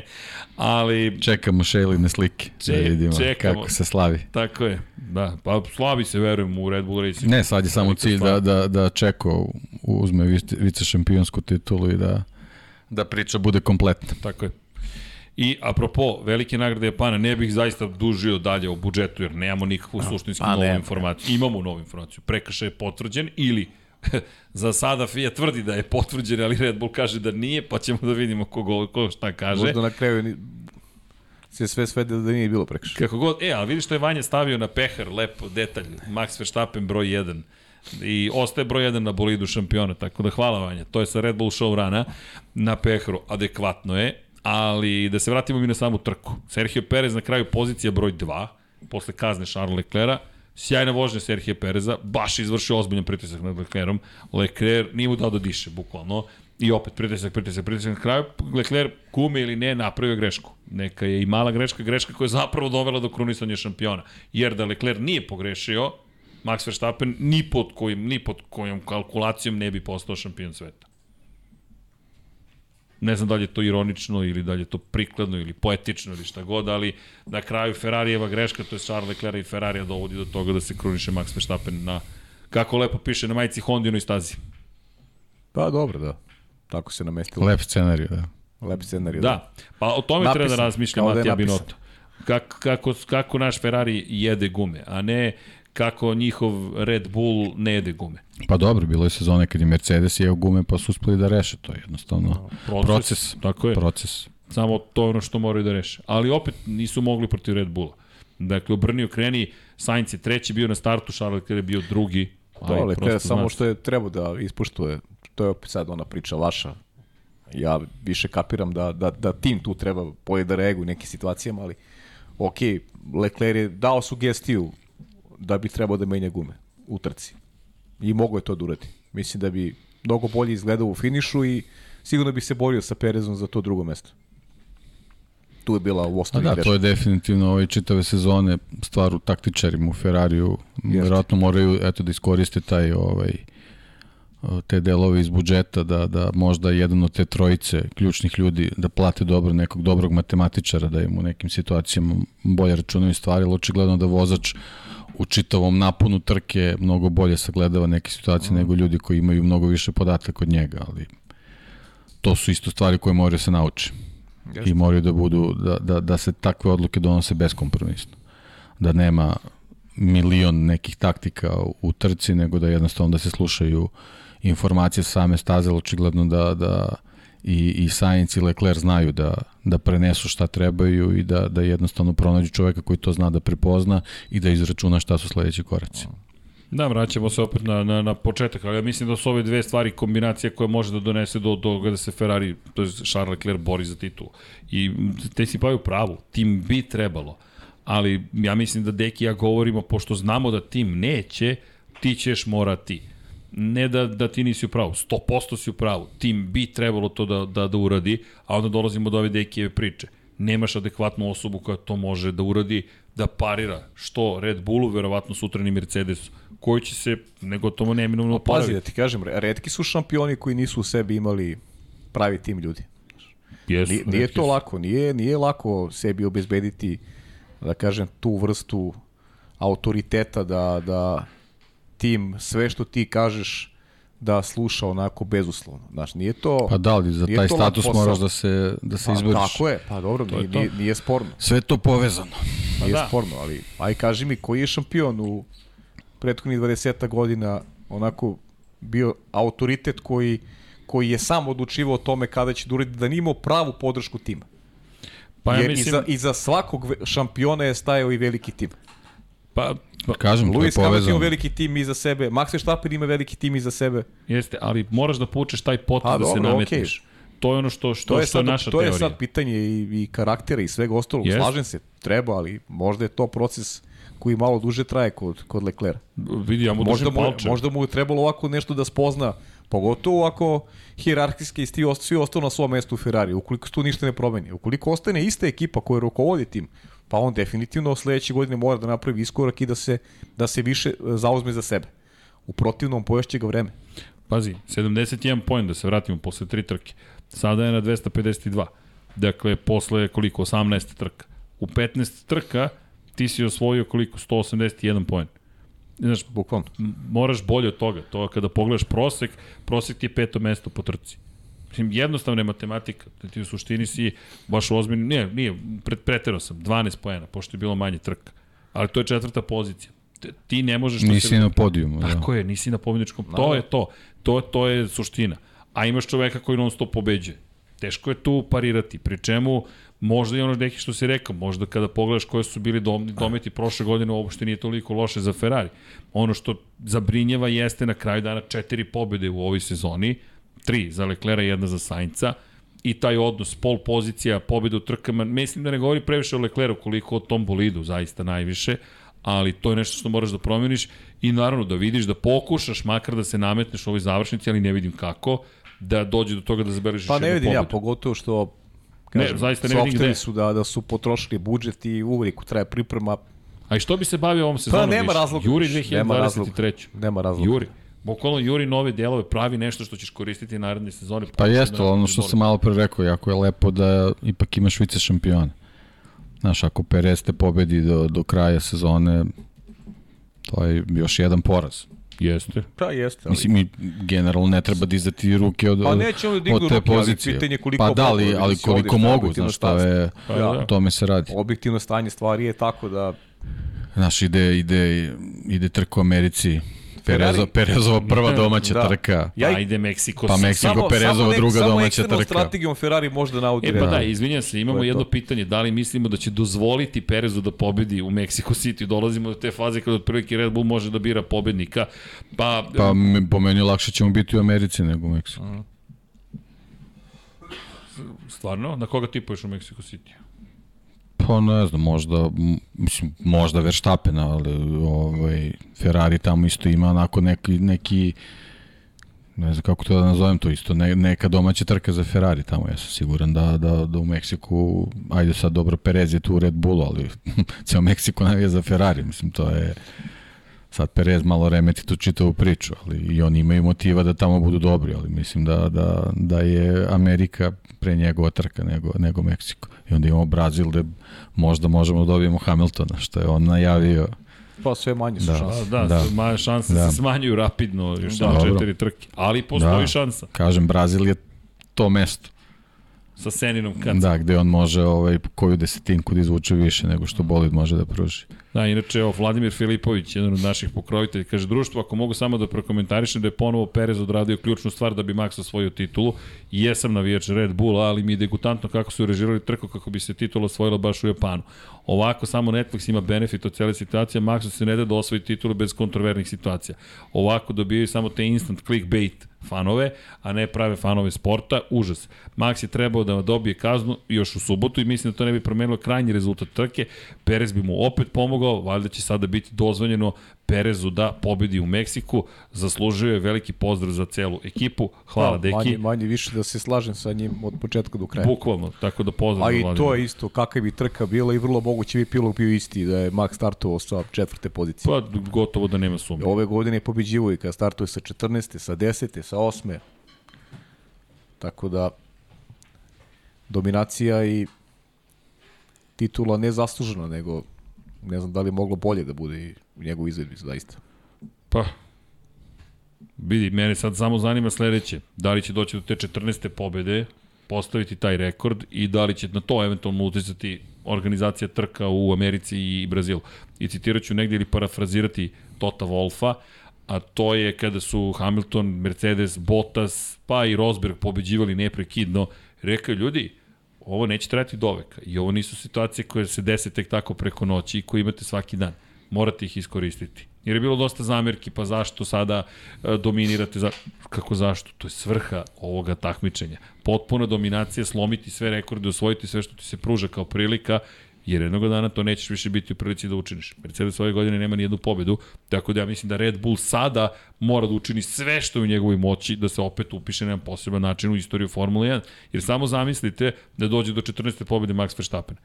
U najmanju ruku do, do kraja sledeće godine stoji taj rekord. Pa nije samo ali to, što mislim da će duže ti, ti se nameštaš se po znacima navodi za sledeću godinu. Da, ti, ti malo Nameštaš po se malo. kao dominantan faktor u, u ovom sportu. On kao vozač, Red Bull kao tim i to je ono što žele da iskoriste kao, kao priliku. A stvarno ne vidim kako može neko da ih pobedi do kraja godine. Sada na stazama koje su ostale u kalendaru jedino neke anomalije u trci ovako mislim da će izdominirati do kraja. Pa, pa to je to, ali kažem, e, to je jednostavno hajde da kažemo, prilika. Zato ja gledam ka Red Bullu. Ferrari je već odustao, nema zašto, Pa dobro, osim to, kaže eventualno Deki, teško časti. da je baš nije, nisu digli ruke, A, verovatno, da. ali jasna, jasna je raspodela snaga. Da, u svakom slučaju nekako taj Meksiko meni je uzbudljiv zbog Pereza, iskreno da vidim da li će se nešto tu desiti ili ne, ali manje više što se tiče, neću sad da najavljam nastavak sezone, ima, ima biće vremena, ali činjenica da jednostavno i te trke koje dolaze su prilika za, za rekorde. Ali ljudi, ljudi da ne zaboravimo da, da ispoštujemo ostale u Japanu koji su bili zaista sjajni, Esteban Okon, pozicija 4, opet dobro trkanje. Generalno, Alpini je bilo potrebno da nešto učini. Jako Alpina, lepa borba sa, sa Hamiltonom, maltene u celoj toj mini trci. ono što je neverovatna ironija situacije kod Alpine i McLarena. Ti stalno gledaš kako su izjednačeni onda u dve trke jedni skoče, drugi ih preskoče yes. i ti sad imaš opet situaciju 13 poena prednosti za, Za Alpinu, Alpinu, da. posle samo jedne trke gde je McLaren došao četvrti, peti u Da, Singapuru. ja sam tipao da će McLaren biti dobar ovde, a, ali uragan. Ja isto, ali ne, i ti samo ako gledaš, jedan poen na kraju. Da. Da. Jedan deseti, jedanesti, a Alpina četvrti i sedmi, i još je tu bilo grešaka Alonsovih i problema neočekinih svakidašnjih. Alonso, kažem, presekao, ljudi, on je još presekao šikanu, ne znam da ste to videli. On je čovjek ovako samo nastavio zelenom površinom i skrenuo desno u pit lane. I zahvaljujući tome je bio mnogo bliži na izlasku iz pit lane, zapravo konkurentima nego što je trebalo. I niko se tu nije ni oglasio. Ni čak ni istrag je bilo, niko. Šta skratio? Ma nema veze. Bukvalno, to je, to je bio stav. I onda se vraćamo opet na FIU. Aha, pa jel važi sada ovo pravilo ili ne važi?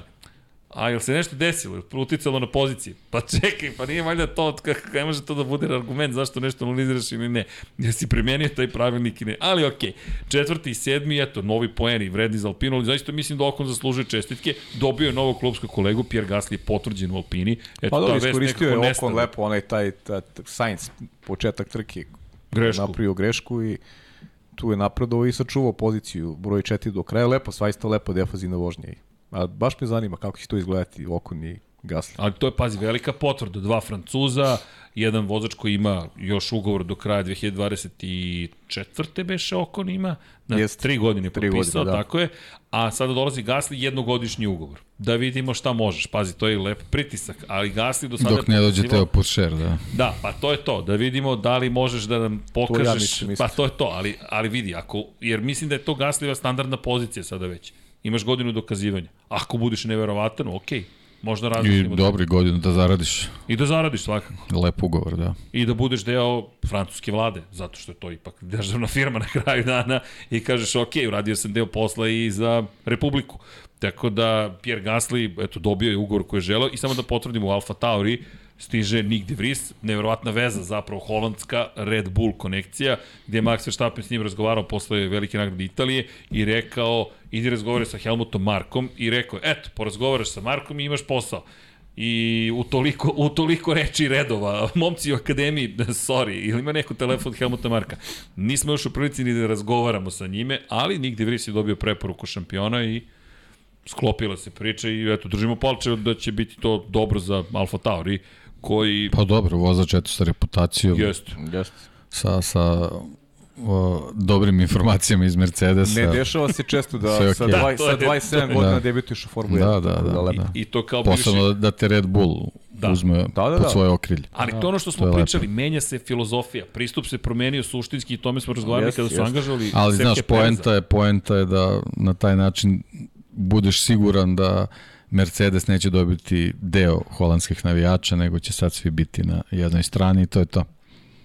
I to je tačno. Imaćeš da, oko, nisam, oko, oko milion ljudi na stazi nisam, na, na svojoj tom, strani. Nisam o tome da. razmišljao, ali... Da, lep strateški Možda zamisliš Maxa Verstappena i De Vrisa i u jednom momentu u Red Bull. Pa, pa da, to postoji da, to je, kao put. postoji kao opcija, da. da, da. da odradi svoj posao Perez 2023. i četvrte i kažu A Čeko bilo je dobro. Deveri sad ima priliku da se dobro utrenira sa, sa kompletnim sa režimom u Red Bull Racingu i to Tako je to. I onda Ferrari kaže ajmo Čeko sada jedno dve godine da budeš vozač da. broj 2. Konačno Eš, da sedneš. Da sedneš u Ferrari. Da. A da, ko će biti vozač broj 1? E, to je već na Ferrariju da izabere. Ali Čeko već zna svoju ulogu. Zavisi pa, vozi za Ferrari. Pa ja nemam dilemu oko toga ko treba da bude, ali, za ali Pera. ovaj, Znaš, kako, kakve i vetrovi duvaju oko Ferrarija, to se nikad ne zna. Pa, duvo je vetar i kada je reč o Carlosu Saincu, malo ga je zaneo u ovoj trci. Baš loš, loše izdanje. Ovo ne može da se tek tako prenebrigne. Bez obzira, svi su imali iste uslove, teške uslove. Svi imaju bio aquaplaning, da. Tako je, ti si vozač Ferrari. A sad, opet, vraćamo se priču o aquaplaningu i full wet gume. Hoćete, nećete, šta ćemo? Pa del, del, del, to, je, deki. To je, da. počet, to, je, to je u stvari početak priče. Čekaj, ko se... To je početak priče i za mene najvažnija tema. Važnije od svih ovih koje smo naveli je to. Jer, nažalost, gledat ćemo i u budući ovake stvari. I morat ćemo da poznajemo... Ili, ili ajmo, ajmo da pravimo da staze budu nadkrivene, da možemo da, da mogu ljudi da, da se voze... To je neko prokomentarisao. Da ljudi se voze da ne, da ne rizikujemo više, pa dajde da se ne vozi više. Ne, ili opet, opet uđeš u amerikanizaciju i zabraniš trke po kiši. I zabraniš trke po kiši. Može Tako i to. Je. Tako je. Sutradan, ono pravilniku, ovo će sutra, ko naskar. Imam ja, se sutra. Imam ja unapređenje te ideje. Da čujem. Voziš iznad, ispod nadkrivene staze, ali ali imaš unapred definisane periode vožnje po vlažnoj stazi. Sve planski. Ne sviđa mi se tvoj predlog. Pustiš vodu i, i kažeš ajmo da vidimo i ovu igranku. Potpuni show. Ali nadamo se da se to neće desiti. No, kada pričamo i o tom startu, Sainz zaslužuje kritike za ono što je izveo. Pa dobro. On treba da se bori za okay, pobedu naravno. i da iskoristi tu šansu pa da... Pa dobro, Australija je pokazao da, da ovaj, ima, ima te momente. Ima. Ima ih i ove pa godine. Dobro, mislim, Nije, Posebno nije... u početnim fazama trke. Nije kalibar Za razliku od onog, Leclerc. od onog Sainca iz, iz nekih prethodnih uh, ekipa gde je stvarno pokazivao da je Da ne konstantan i da ne greši ovaj, sa Ferrarijem kad, kad dođe taj neki dodatni motiv, da ne neki kažem pritisak. Veći ulog. Dešavaju se, pa da. Veći dešavaju ulog, ti kad je veći ulog vidiš karakter vozača. Ja, ja priznajem otvoreno da sam sumnjao u, u, u Leclerc. U, u, u to da je on vozač broj 1, negde. Stvarno sam sumnjao. Ali je taj momak pokazao ove godine da ima. Da ima kvalitet. On je prvi put se ove godine suočava sa tim On da... pravi grešku u završnim fazama trke, Sainz A u dobro, ali, početnim. ok, ali ima, ima brzinu, i- ima, ima neki, neki ovaj, već izgradio neko ime Pa ima, pa, pa pol koje pozicije može- pokazuju. Da, mislim, može ne- njega nema da, šta. da I lansira Sainz je ima te prilike kao i. Leclerc. Pa tako je, ali Sainz, Da. da. Sainz mislim da to ne, prosto nije dovoljno brz. Nije dovoljno brz. Inače, za Pa makar Okona, to bile ono stotinke, ovaj. Da, da, rekao je da ga nervira Da, što da, da. 55.000. Pa uvek, ne, 56.000 uvek ima neko ali. Ali znaš na koga Da. mene to podsjeća? Na taj buket iza tebe. Pa da. I Bottas je iste izjave imao. Nervira me ova sitnica, ali to je razlika između šampiona i onoga ko nije Pa šampion. jest. Mislim, Detalji? Da, apsolutno detalji. Ili u ovom slučaju razlika između boljeg vozača i manje, manje dobrog. Da, koji... Pošto Leclerc još nije šampion, ne može pričamo o... Ali, okej, ima potencijal vrlo Pa ima ozbiljan. potencijal, da li će biti šampion, nikad se ne zna. Kad smo kod šampiona, Lewis Hamilton bitku protiv Okona nije dobio, baš se namuči, potrudio, ali Okon fantastična defanzivna vožnja, čovek se Pa dobro, do više puta je pokazao. Da, da, Okon po tom pitanju je Da. baš dobar. I sviđa mi se kako je vozio, kako se štitio. Leclerc je dobro vozio do tog poslednjeg momenta, ali Okon nije imao taj, taj tu grešku na kraju i Okom bi bio dobar ministar odbrane, samo što imaš taj moment što ne možeš da znaš da će ti biti lojalan. da. to je problem s njim. ministar odbrane Da. kaže čekaj, više ja ovde ne branim nikoga, ja sam sada predsednik vlade. Ali to odluči u trenutku. U trenutku odluči da, da pa to je puč takozvani, ali to je u redu.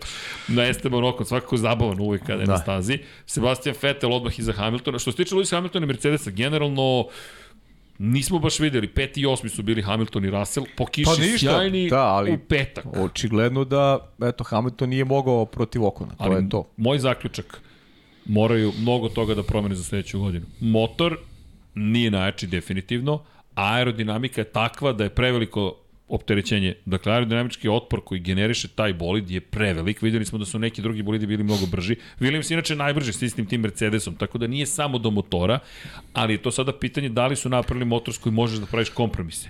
Ili možeš samo da napraviš bolid koji je brz na pravcu, a u krivinama ne Pa funkcioniš. ja verujem da će, da. da će naći rešenje za sledeću godinu Mercedes. potrebno im je, jer ovo nije izgledalo dobro.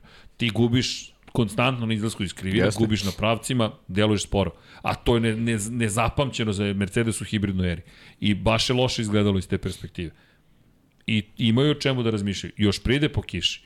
Tako da Mercedes, mislim da je ovde prikupio podatke, to je moj utisak i da se oni trenutno time ozbiljno bave.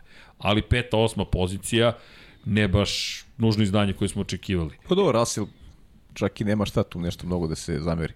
Pa, Russell imao dobru tu, dobro išao kroz strategiju, opet, Russell je sad neki, da kažem, ovaj, pionir kada, kada treba da se uslovi u staze prilagodi za druge vozače, tako da je u finišu bio prilično brz i došao do te osme pozicije, ali nije neki vrhunski rezultat, ali solidna trka za Rasila, s obzirom da je trajala 40 minuta. Bio je vrlo produktivan u finišu. Jeste. I naravno za Sebastina Fetela koji je bio šesti na kraju. Ljudi, to je ponovo šesta pozicija, najbolji plasman još jednom ove godine u Azerbejdžanu je bio šesti i fenomenal za Aston Martin. Pa to da, Aston Martin po receptu Force India, pa kako se bliži sezona To, to, kraju, da, sve da. su bolje. Ali da. ovog puta stvarno svaka čast za procenu. Oni su prvi otišli u boks i I? stavili gume za promenjanje Pa vremenske gde su? Na 7 poena od Alfa Ma Romeo. da, oni će Kao što si najavio. Ma, 100% će da ih prestignu. Kao što to si najavio. dileme. Na samo 7 poena. Ljudi, ovo su sada već ozbiljni poeni. Kao što si rekao, li baš liči na Force India. To je ta ekipa. Ovo čekaj, sad ono je naš period godine? Jeste. Dok jeste. oni smisle šta to, ne valja, Samo što Prođe nemaju, sezona. nemaju čeka, pa nema podijum. Tako Da, je. da. A Vanja, ja te molim za fanfare, ako ih imaš negde spremne. Ja se nadam da si se pripremio za najvažniji moment večerašnjeg podcasta. Opa. Apsolutno najvažniji trenutak večerašnjeg, moću fanfare. Ovo ne saopštavam bez fanfara. Jesi mi spreman? Auf, imao je ranije spremne fanfare i onda čim kažeš fanfare, trrr, krene, uh, može i proslava neka. Tako je. Nikolas Latifi je osvojio dva poena na velikoj nagradi Japana. Brato, vam kaže, ne mora ni da se traži aplauz. Gold Tiffy će se oprostiti od Formula 1 sa poenima. Čekaj. A to je najvažnija stvar koja se desila. Deveta pozicija za čoveka koga smo, koji je skrenuo na pogrešno mesto u petak. Dakle, čovjek je otišao A do, direktno u odbojnu ogradu. nedelje, šta? I, I najbolje što je prijavio sve u redu sa bolidom, ja sam dobro. Pa i Cunoda, E, okay. zar nije i Cunoda za malo? Da, pa i Cunoda za A, malo šta? da krene tim putem, ali čekajte ljudi, otpuštenje, izvrnut ruglu, svi su ga se odrekli, a on po kiši odveze jednu najboljih trka u svojoj karijeri, osvoji dva poena devetom pozicijom. Čovjek je bio fenomenalan. Čekaj, dobro, šta mu je- živa inspiracija. šta mu je trebalo, Lando? Norris ga stiže na kraju. Ne, on se bori protiv Vozač za McLarena. trkačke staze, vidiš. A? E, Vozač za trkački staze. Kakav je bio Go Tiffy. Bravo Nikolas, imaš ovde bar dvojicu koja se navijala za tebe. Fenomenalno je bilo gledati ga i kažeš čekaj, pogledaj, i sad pomisliš, ma Norris će ga pojesti. Gde, kamo Lando? Gde, gde, je, gde je Norris? Pa ne možeš protiv Latifi. Ne može prot... u, u Williamsu po kiši. Čekaj, odjednom Go Tiffy ima šta da kaže u celoj priči. A, Dva dobro. poena. Vidi, možda je to detalj Možda samo. kreće serija. Možda si Ko, ti, ej, ko zna, idemo u Severnu ti si Ameriku. samo romantičan previše. Neka sam i romantičan, čekaj, ali ovo je zaslužilo. Čekaj, deta, Dobro, jeste, koliko sam čest, se naravno. radovao, baš mi je bilo Je, drago. stvarno se čovjek radovao, ne laže stvarno. Stvarno, stvarno. Radovao se. A znaš šta sam pomislio, pošto sam kritikovao Gautifija, rekao, Nikolas priznaj, pogrešio sam sve u redu, i onda razmišljam, kad se završila trka, čekaj, pogrešili smo s pravilnikom, jer ćemo sada kao Latifi, "A, sve je u redu sa kabinom, mikrofon je na mestu, pa je ja smo dobro.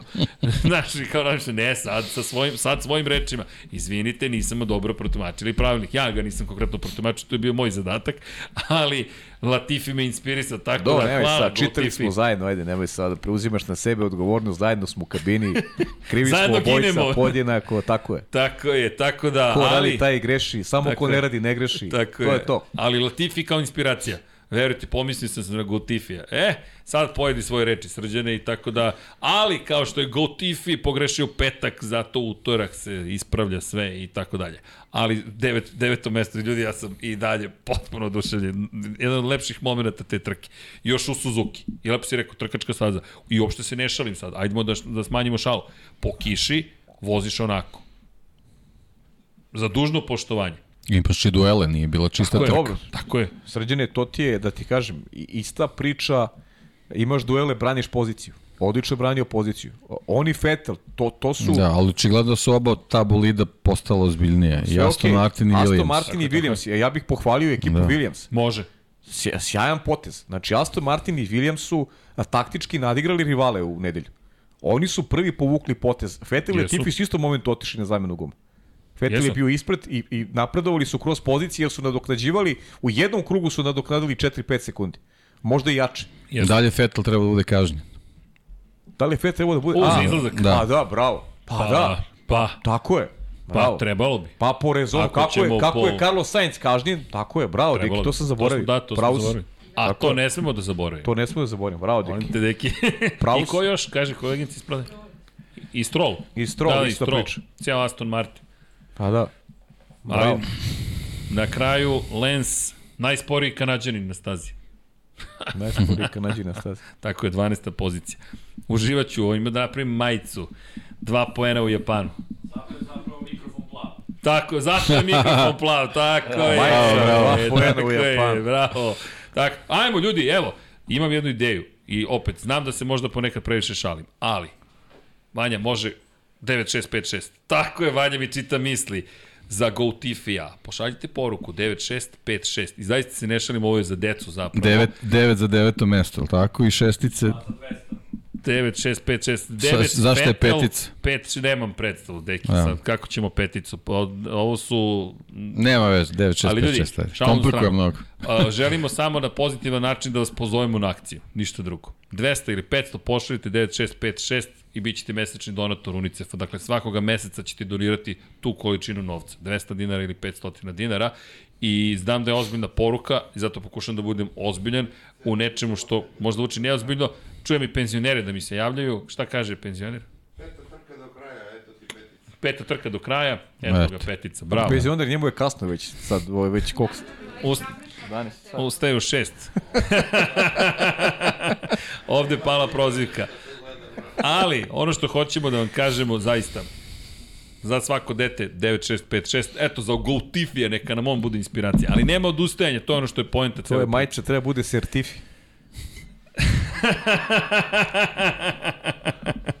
Hvala, Pajo. Sertifi. Hvala, Pajo, to je lepo čuti. e, samo da znaš, tvoje Paja i Jare je zaživelo. Vrlo ozbiljno Paja i Jare je zaživelo, dakle, Normalno. postadoh i Jare. Čak, čak i Žule u NFL prenosu je rekao Paja i Jare. Rekao, hvala ti, hvala Žule. Čudi me da je Žule to rekao. Da, ne liči na njega. Ne liči njega uopšte na Žuleta.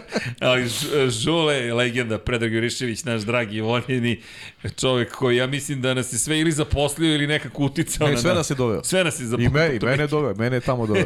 On samo ide okolo. Po imene na Eurosport. Pa tako, Kad e. pogledam, pa da, kad Žule, razmislim. Da, mene, mene je doveo Žule na je u NFL. stvari najbolji menadžer. Najbolji menadžer. Ne, mene Najbolji zvao... menadžer među, među novinarima je Žule. To, to. Da. Mene zvao da radim NFL. On je Treba bukvalno jedno, Da. mene treba, treba preporučio. jedno da ga odvedemo da pričamo A najveća greška je bilo kad je mene pitao ko još treba dođe na Eurosport. I? I ja se prevarim. I Ti se pre- sve ostalo istorije. Pa nije Evo ga moj si- menadžer. Pa da, nije valjda da si da me rekao sad. dođi vama. Ali kako ti si- Žule, žule. A ti Žule. si Nisam ja, žule. čovjek iz Senki. Žule. Da. On me prevario. Sve nas je Žule Žule. regrutovao. da, da. Mi smo Žuletova deca. Da. E, za, za stoti moramo da ga A pozovemo. mlađi od nas. Pozvaćemo Poslao sam upit za, na, za onaj datum, jel te, da li možemo Samo ti da se kažem, organizujemo? ovo sad ša, šalimo se, ali ovo je, ovo sa Žuletom treba pričamo. Treba, treba. Znaš, ovo, ovo su stvarno Da ga ozbiljne pozovemo ozbiljno, da, da razgovaramo. Da, da. I on je prenosio Formulu 1, na trenutku komentarisao, mislim, na trećem Svetsku kanalu. seriju Renault. I svetsku se seriju Renault, tako je. je, tako Bravo, je. da, zvaćemo Žuleta. Ne, Žule, Žule, Žule, ne, Žule, samo da znate, Žule nema šta nije prenosio, to je komentarisao. Bukvalno čovjek legenda. Nije prenosio jedino plakar iz moje dnevne sobe. E, dobro, komentarisao, znao sam da ćeš da me uhvatiš na to. Ali dobro, sve je to u redu. Dakle, deseta pozicija iza Nikola Latifija, Lando Norris, Dani Ricardo, nažalost ponovo bez pojena 11. mesto, ne znam da li nešto dodatno komentarisati, prosto nije u formi, pa nije u formi. 12. 13. Lance Stroll, Yuki Tsunoda, inače se nije proslavio tim Alfa Tauri, Pierre Gasly imao problem s kojim se suočio, jel te, promene nosa na početku udaranju za, u reklamu, stres i šok, dakle, prolaska pored Jeste. bagira. A više, više to drugo. Ja mislim da je, da je bukvalno to uticalo na njega, jer on toliko potrešeno zvučao i nismo, kasnije. Da, nismo mi znali prvo u startu ono šta je, Što se šta događa. je priča, Da, ali stres i šok sigurno da su najviše uticali na, na njegovu trku. da, Ne, da. mož, ne možda se ne setiš Žila Bjanke. Bukvalno. A Žil Bianchi, nedavno je bila zapravo osmogodišnjica njegovog incidenta, preminuo je 7-8 meseci kasnije, nego da se mislim da je u maju 2015. preminuo, ili ne, ili je bio jul, ali kako god, posledice su zapravo incidenta koji se desio na velikoj nagradi Japana 2014. I taj incident je i doveo do velike promene, velikih promena, uvođenje virtualnog vozila bezbednosti, razvoj dalje Hejla, to je Oreola, uvođenje drugih procedura koje sad odjednom gledaš u sred Japana kako ne funkcioniše. Nema procedura. Nema procedura. Da. I ono što je takođe, to smo zaboravili da, da kažemo, a to ne smo da zaboravimo, deki, neko iz direkcije trke je morao da da odobrenje redarima da izađu na stazu. Jer, ako se vratimo ponovo, to smo i pričali tokom prenosa na veliku nagradu Austrije, niko od redara nije smeo da priđe bolidu u plamenu Carlosa Sainca jer nije dobio od direkcije trke dozvolu da to učini. Tako da je neko iz direkcije trke rekao izađite Pa na stazu. skrivaju se sređene, šta to? Skrivaju se. A Mislim, ne iza bezimenih je- ljudi. traktor pa, je- naravno. užas, ali neprihvatljivo. U svakom slučaju, Gasly na kraju loš, ceo, ceo taj vikend je ispao veoma loš. Kevin Magnussen bio 14. E da, znate koga nismo pohvalili? Mick Schumacher je postao prvi vozač, završio inače kao 17. u istoriji Hasa koji u jednom trenutku vodio u trci. da. Možda je to Kratko, sitnica, ali, ali- da. da. ljudi, Ali vodio je u trci i to je tweetovao, instagramisao i rekao, ko može se pohvali da je vodio u Hasu? Samo jedan čovjek u istoriji Formula 1, Mick Schumacher. Tako da, molim lepo, veliki trenuci za Da, i neki drugi priča se junaki. da- Jost Kapito na tebi je potez. Na tebi je potez, tako je, Williams ima prazno sedište. Pa dobro, ali priča se i da, da nije siguran ni taj odlazak iz Hasa, naprotiv. Pa da, Da se pregovara na tu temu. Sad vidjet ćemo, očigledno da su sad još ostali Hasi, o, Hasi i Williams kao, Pa kao da, teme. Ovo dva ostalo su slobodna mesta, mesta, da. popunjena. Tako je. Pa Vidjet bio je bolji od Magnusena u kvalifikacijama. Da, Ricardo, pošto je sve Da, izvestio dobro, ima da će ono još jedno izletanje i lupanje ozbiljno. Skupo, Imao je, da. skupo. Skup. Skupo, skupo, skupo. I priča se o tome mnogo. Da. Priča Pa- se o tome da je ekipu mnogo košta ove Pa godine. pazi, tri ozbiljne incidente, tri puta je šasi uništio. Da. što košta? Košta. To te košta. Mm. To, znaš, ako pričamo o, o, o cenovniku, dolaziš, ali opet, deki, vraćamo se do iste situacije. Ograničio si budžet njima i onda ćeš doći u situaciju kao na malim takmičenjima. Neka mi ne zamere ljudi koji, nažalost, nemaju sredstava da, se takmiče, da, da, da im neko drugi plaća. Ali to je situacija s kojima se trkači suočavaju šta da radim? Imam jedan set guma za ceo vikend. Šta da radim? Ne sem da oštetim šasiju, to znači da nećete tražiti granicu izdržljivosti. Šta piše u knjizi? Idealan moment za promociju knjige o Marku Markezu. Marka Markeza piše sledeće. Takeo Yokoyama, u to vreme menadžer tehničke ekipe Honda, kaže brinemo za tebe koliko imaš padova. Što se tiče motocikala, možeš da ih uništiš koliko god želiš. To je luksuz koju nema baš svako. Ko voli priče o velikim šampionima, ovo je priča o 2013. godini kada je u debitanskoj sezoni osvojio titulu, preko 200 fotografija, 224 strane, monografija je u pitanju, jedan zanimljiv format, kvadratni, 24 puta 24 cm. Ovo je cena koja će važiti samo do 22. oktobra 2793 dinara.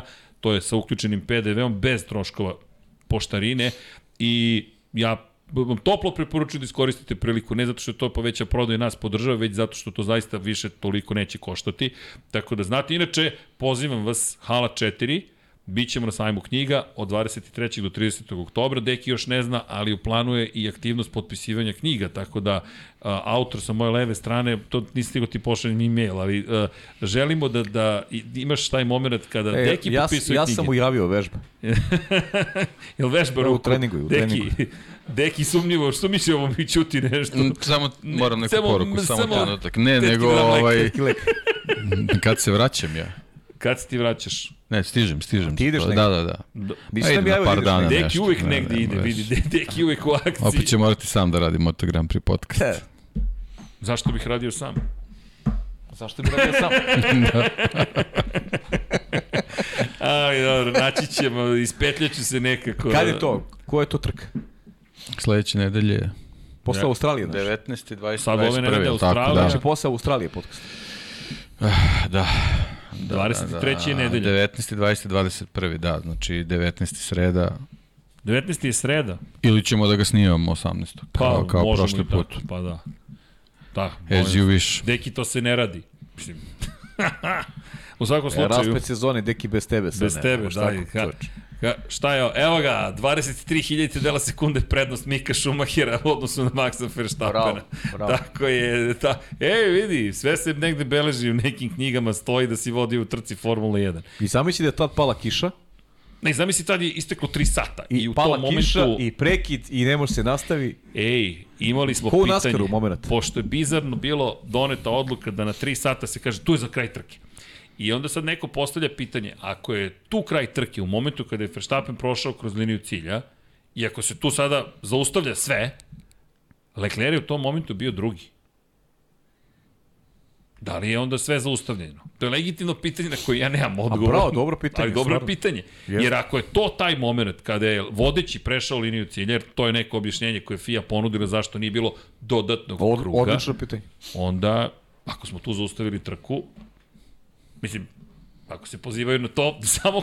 Strašno just pitanje. saying. Freeze. Ja, Freeze. ja, sam- ja, ja ne, ne umem da dam odgovor. stvarno. Znaš, i to ti je taj, niko ne ume da da odgovor, ali je pitanje odlično. Odlično pitanje. Što bi značilo opet, A znate vi, samo se pravite. da, da, samo glumimo. A ja, moram ti pristiti... Pravimo priču, deki. Pa, Kao i oni, pa i oni. Tako I oni pravi priču. pravimo Samo pravimo priče, da, da, da. da. I tako. Da, da, dakle, da nam još neko ostao, jeste. Mali heroji, velika dela. 16. pozicija, Guan Yu Zhou. Ali zašto je to bitno? Zato što je ovo njegov prvi najbrži krug u karijeri u Formuli 1. Opa! A to nije mala stvar. Čisto da Da se Mick. Schumacher i Glenn Joe, šta su radili? Japan? Ne, ne, Latifi poene. Mik vodio u trci. Guan Yu Zhou, najbrži Prepuni krug trke. stupci o, Prepuni njihovih stupci. dostignuća. E, da. e, Da. Ok, čisto da vidite šta Ali se sve Srki sve, izdešavalo. sve beleži, nema Ne, greške. ne, ja ti kažem, tri dana sam gledao, sve sam Kineski, kineski mediji u transu. gledao. E, ali pazi, što je najgore od svega, ovo je prvi put u istoriji Formule 1 da kineski vozač ima najbrži krug trke. To je lepo. To je stvarno lepo. Lepo dostignuće. Da. Pa dobro, da. Ajde. Pa jeste, vidi, Pa okej, to se negde jeste, piše. jeste. Znaš, ko ima najviše najbržih krugova u karijeri. Tamo će negde stoji Guan Yu, Joe Guan Yu, jedan krug najbrži. Možda će ih biti i više, ali on je bio taj koji ga je postavio u Japanu. Kreću seriju koji Latifi. Da. Tako da, ej, to Moram su male priznati da pobjede. bih više volao da se to dog- da bih sada više volao da se to dogodilo ovaj sa Maxom Verstappenom i onda bi onako mogao u, u, da proslavi titulu na ovaj na adekvatan način. Pa da, jer Jer, mislim jer da bi tada, zaslužuje jer bi tada i on znao, jer bi tada i on znao A da je tražio je nove gume. a tražio, A a tražio tražio, nove. a tražio nove gume, A jeste. traži nove gume. Da. Samo zbog šampionata, zbog cele priče, on malo bez veze malo. Šampion si, a, a nema neke proslave, nego prati to neka kontroverza, neka Neka bez izmišljena priča. Ma izmišljena, bukvalno. da. Bukvalno izmišljena priča. I umesto da dobije vatromet, da dobije... Ma da dobije ove baklice ko što je dobio Fetel. Fetel. Je, bravo. Znaš, da, da, da, da čoveku prirode pravi ugođaj. jeste. Ej, posto si dvostruki šampion sveta Formule 1. To što je to bilo viđeno još pre par meseci, ne umanjuje značaj dostignuća. To što si ti nonšalantno i hladnokrvno stekao prednost od 25 sekundi, ne umanjuje tvoje dostignuće. Naprotiv, treba ga slaviti. Često ti šampioni koji imaju dominaciju dođu u situaciju, e, to je samo zbog ovoga ili samo zbog onoga, a to nije istina. I to je ono što Pa taj jeste. trenutak zato jeste toliko lep. Pa ti to ono- moment prolaska kroz cilj. To je ono što što je Deki pričao i to je stvarno jedna ozbiljna, uh, moram priznati da nisam, da nisam na taj način ovaj, gledao stvari, ali ozbiljna je tema stvarno, da, da, da ti stavljaš sa strane ono što je u suštini najvažnije. A Da. to, je, to su akteri. Vozači, o, o, oni prave uh, takmičenje. Od njih uh, zavisi koliko će da, kakva će dinamika trka da bude, koliko će nam biti interesantno. Oni su najvažniji akteri, a ti dolaziš u situaciju da neko ko je šampion, ko je apsolutno zaslužio da bude šampion, da je u senci uh, nekih, uh, ajde da ne kažem parazita, da ne zvuči to ovaj, možda grubo, a u suštini je to možda i, najbolja reč i najprikladnija reč za, za one koji se kriju ovaj, iza kulisa, da oni sa svojim uh, nedelovanjem, sa svojim neznanjem uh, sebe stavljaju u, u, u, onako u, uh, na svetla pozornice, a da, da se mi bavimo nekim temama koje, koje nisu direktno vezane za, za sam sport i to je, to je ozbiljan problem. Sve si rekao, to je Ali to. ćemo, naravno, u analizi sezone kada prođe ove četiri trke, naravno ćemo posvetiti mi najviše pažnje onome ko je to najviše zaslužio. Ovo je prosto Zato smo tako nešto što je aktuelna priča, aktuelna priča i ne možemo nje da pobegnemo. Dek, pa jo, sad sam tek video. I naranđaste pantalone danas. O, top, tako se navija za Maxa Verstappena. Imamo damu koja, ne da navija, nego Honda, 33, Red Bull Racing i naranđaste pantalone. Poštujem. Tako to treba. E, ta, tako se navija. Tako, okej, se, tako, se, tako se dođe u Lena 76. ali da, inače lepa majica. Ovde imaju Brazilce, imamo ih više, ali to, to je top. Dve osobe u jednoj majici, čekaj. To Braz, Brazilci su moja i Dekijeva grupa. Da, Da. inače, Ćale mi se Evo. žalio. Zbog Seni i Tako, Pikea. Da. Meni se žalio Ćale, kaže, ništa mi se ne dopada te vaše moderne majice. Treba da vam budu mnogo duže. Treba malo šire da bude. Da. to je rekao. To pre Sve svega. ni mi uži, ali ajde sad, to je nešto drugo. Ej, Lepče, Aleksa Stanić je donirao čovjek kanadskih 10 dolara. Hvala za donaciju. Veliki pozdrav za najbolju ekipu Lab 76 familiju. Hvala. To je mnogo Hvala lepo puno. čuti. Zanima me samo vaše mišljenje. Koga smatrate bržim, kvalitetnijim vozačem? Čeka Pereza ili Carlosa Sainca? Mislim Šta šta, da nisam, nisam, izvini. koga smatramo bržim, kvalitetnijim vozačem? Čeka Pereza ili Carlosa Sainca? Mislim da je Perez jako pocenjen. Ja glasam za Čeka Pereza. Deki, Pa, broj pobeda, to sam hteo da kažem, četiri pobjede naspram jedne. uloga u šampionatima, poziciju u šampionatima. Pa ne- ne- ne- trenutno... ne- o Čeku Perezu se pričali prve sezone kad je vozio do duše na neki malo drugačiji način, ali se pričalo o njemu. Jest. Pritom, da ne zaborimo Čeka iz Zaubera. Pa, i Zauber i McLaren epizoda i posle Force India, meni je impresivno kako on svoju karijeru očuvao, oživeo, koliko napredovao. Jer, pazi, Nadam se da će neko mnogo se setiti da sam rekao da će Čeko Perez biti dobar u Japanu. Si rekao? Pa, Da, da, da, se, jes. da, da, Jes, ali, jes. ali, ali onaj McLaren te zakopao, ja da ti kažem, šalim se, šalim se. A dobro, uvijek imamo ali ne, nešto. Ma ne, Pa naravno. ja se verujem u McLaren. Ne, ne, Fez, Ne. lepo si najavio. potpuno sam zaboravio nevreme. to mi je onako, ne znam kako mi je pobeglo, ali ali Nas dobro, dvojica smo se nema ujedinili, veze. ovog puta smo bili Nema za, veze. za Max Verstappen, nisi bio prošlog utorka, ali da. smo obojice Pa, se složili da je. Max. Mislim, bukvalno se je Da. bilo je pisalo- očekivano. Da. Pa da, pa da, Da, da. to je to. U, nisi vidio kako sam vozio Suzuku. Čekaj, profesore, doktore, najzad ti se po, učitelju moj, da ti se pohvalim šta sam sve naučio. Učitelju moj. Učitelju. Ja, Mali Japanac, učitelju moj. E vidi, ja mu kradem fore, se on sedne, gleda, a tu kočiš, a tu dodeš ga, a ta brzina, ok, hvala profesore, Dobro si ga naučio Suzuku. Suzuka top. Bilo dobro. Mada je pričao ovde da nije nikad ovaj vozio Suzuku. Ne, u F1 nisam, vozio sam u Gran Turismo. Ali deki ja Nije smo radili isto, pa nije podcast od pet i po sati Gran Turismo. Da. Molim lepo. E, ali uđe ti, krivine ti uđu u razmišljanja o kočenju, o tačkama i referencama i tako dalje. I tako. E, pozdrav za Aleksu. E, ljudi, ja pokušam da uđem u fantaziju, ali bezuspešno. A, ne pokušam da pobegnem od odgovornosti fantazije, samo mi dajte da resetujem ceo računar u pokušaju da ga oživim. Ajde da Da ima vidimo. neki problem sa serverom, definitivno. Nije prvi put. Nije prvi put. Da. Ba evo, pokušat ću Ja sve sa moje strane. Ovo, ja je ne, mogu. ovo je nedelje bilo loše. Znaš ono čuveno, jesi utakao računar u struju? Jesam. Da krenemo odatle. Da, ko je radio u podršci za neke stvari, naslušao se čudnih priča, ali ajmo da pokušamo da ovo sve restartujemo, pa da vidimo da li ćemo dobiti odgovor na pitanje ko vodi u našem fantaziju. Mada, cenim da će koleginici iz prodaje već to da proleti. Ako možete. Si uspeo? Jel neko igra fantaziju ovde? Ne igra. Evo jedna osoba. A, ima dve osobe koje igraju. Opa! Tri. Opa, penzioner igra, pe, penzioner, nego šta. Penzioner ima vremena, šta će? Ne, zna, ono što znamo pouzdano, znaš, znam pouzdano, bar jednog gledalca znam, evo sad mi računar kaže nema struje više. Dobro. A jednog gledalca uvek imate najmanje, kada ne mogu da pogledam pošto sam ostao bez struje. Pa evo, morat ćemo da ti isključimo sa... Ja, isključi me slobodno. Ali da iskoristim, Deki, možeš ti da pročitaš neko pitanje, kada ja već ovde rasklapam. Ne mogu. Pa, Ali mogu da ti dam fantasy. Može viš fantasy, to da. Deki daj fantasy, da vidimo gde, Evo ti sređene. gde smo. Čekaj, a ne, taj kabel mi ne odgovara. Ne odgovara ti. Moramo da Dobro. zamenimo kabel. Sad ćemo i to. Može da mi iz... Izvinjam se, ali... Sad ćemo mi to da sredimo. Spomenete navijače Da spomenemo navijače, koje navijače? u Japanu. U? A, da. Ajmo, to, to, to je lepa priča, koliko su oni Navijači nevjerovatni. Japanu su najbolji na svetu. Pa evo, ćeš definitivno. ti da ispričaš. Pa ne, mislim, šta ima da, mislim, ono, možemo da pričamo o njima naširoko, jer uh, ono što je meni impresivno generalno u toj kulturi Japana, u bilo kom sportu, šta god da se održava u toj zemlji, svaka ekipa ima nekog svog navijača, svaki pojedinac ima navijača. Oni su stvarno onako domaćini, pravi, vole sport i, i a, impresivan ambijent. A Formula 1 to je već klasika postala da, da vidimo one uh, ljude u kombinezonima, sa kacigama, sa stvarno ljubav prema automotosportu je ogromna i um, Suzuka ima tu taj neki, neki stvarno neku specifičnu težinu u, u tom pogledu i ja kažem, volim da gledam uh, bilo koja sportska takmičenja u Japanu upravo zbog, upravo zbog ljudi koji, koji ga čine još lepšim, savršenijim, neko čistim, jer, jer ti uh, u njima prepoznaješ baš emociju, čistu emociju.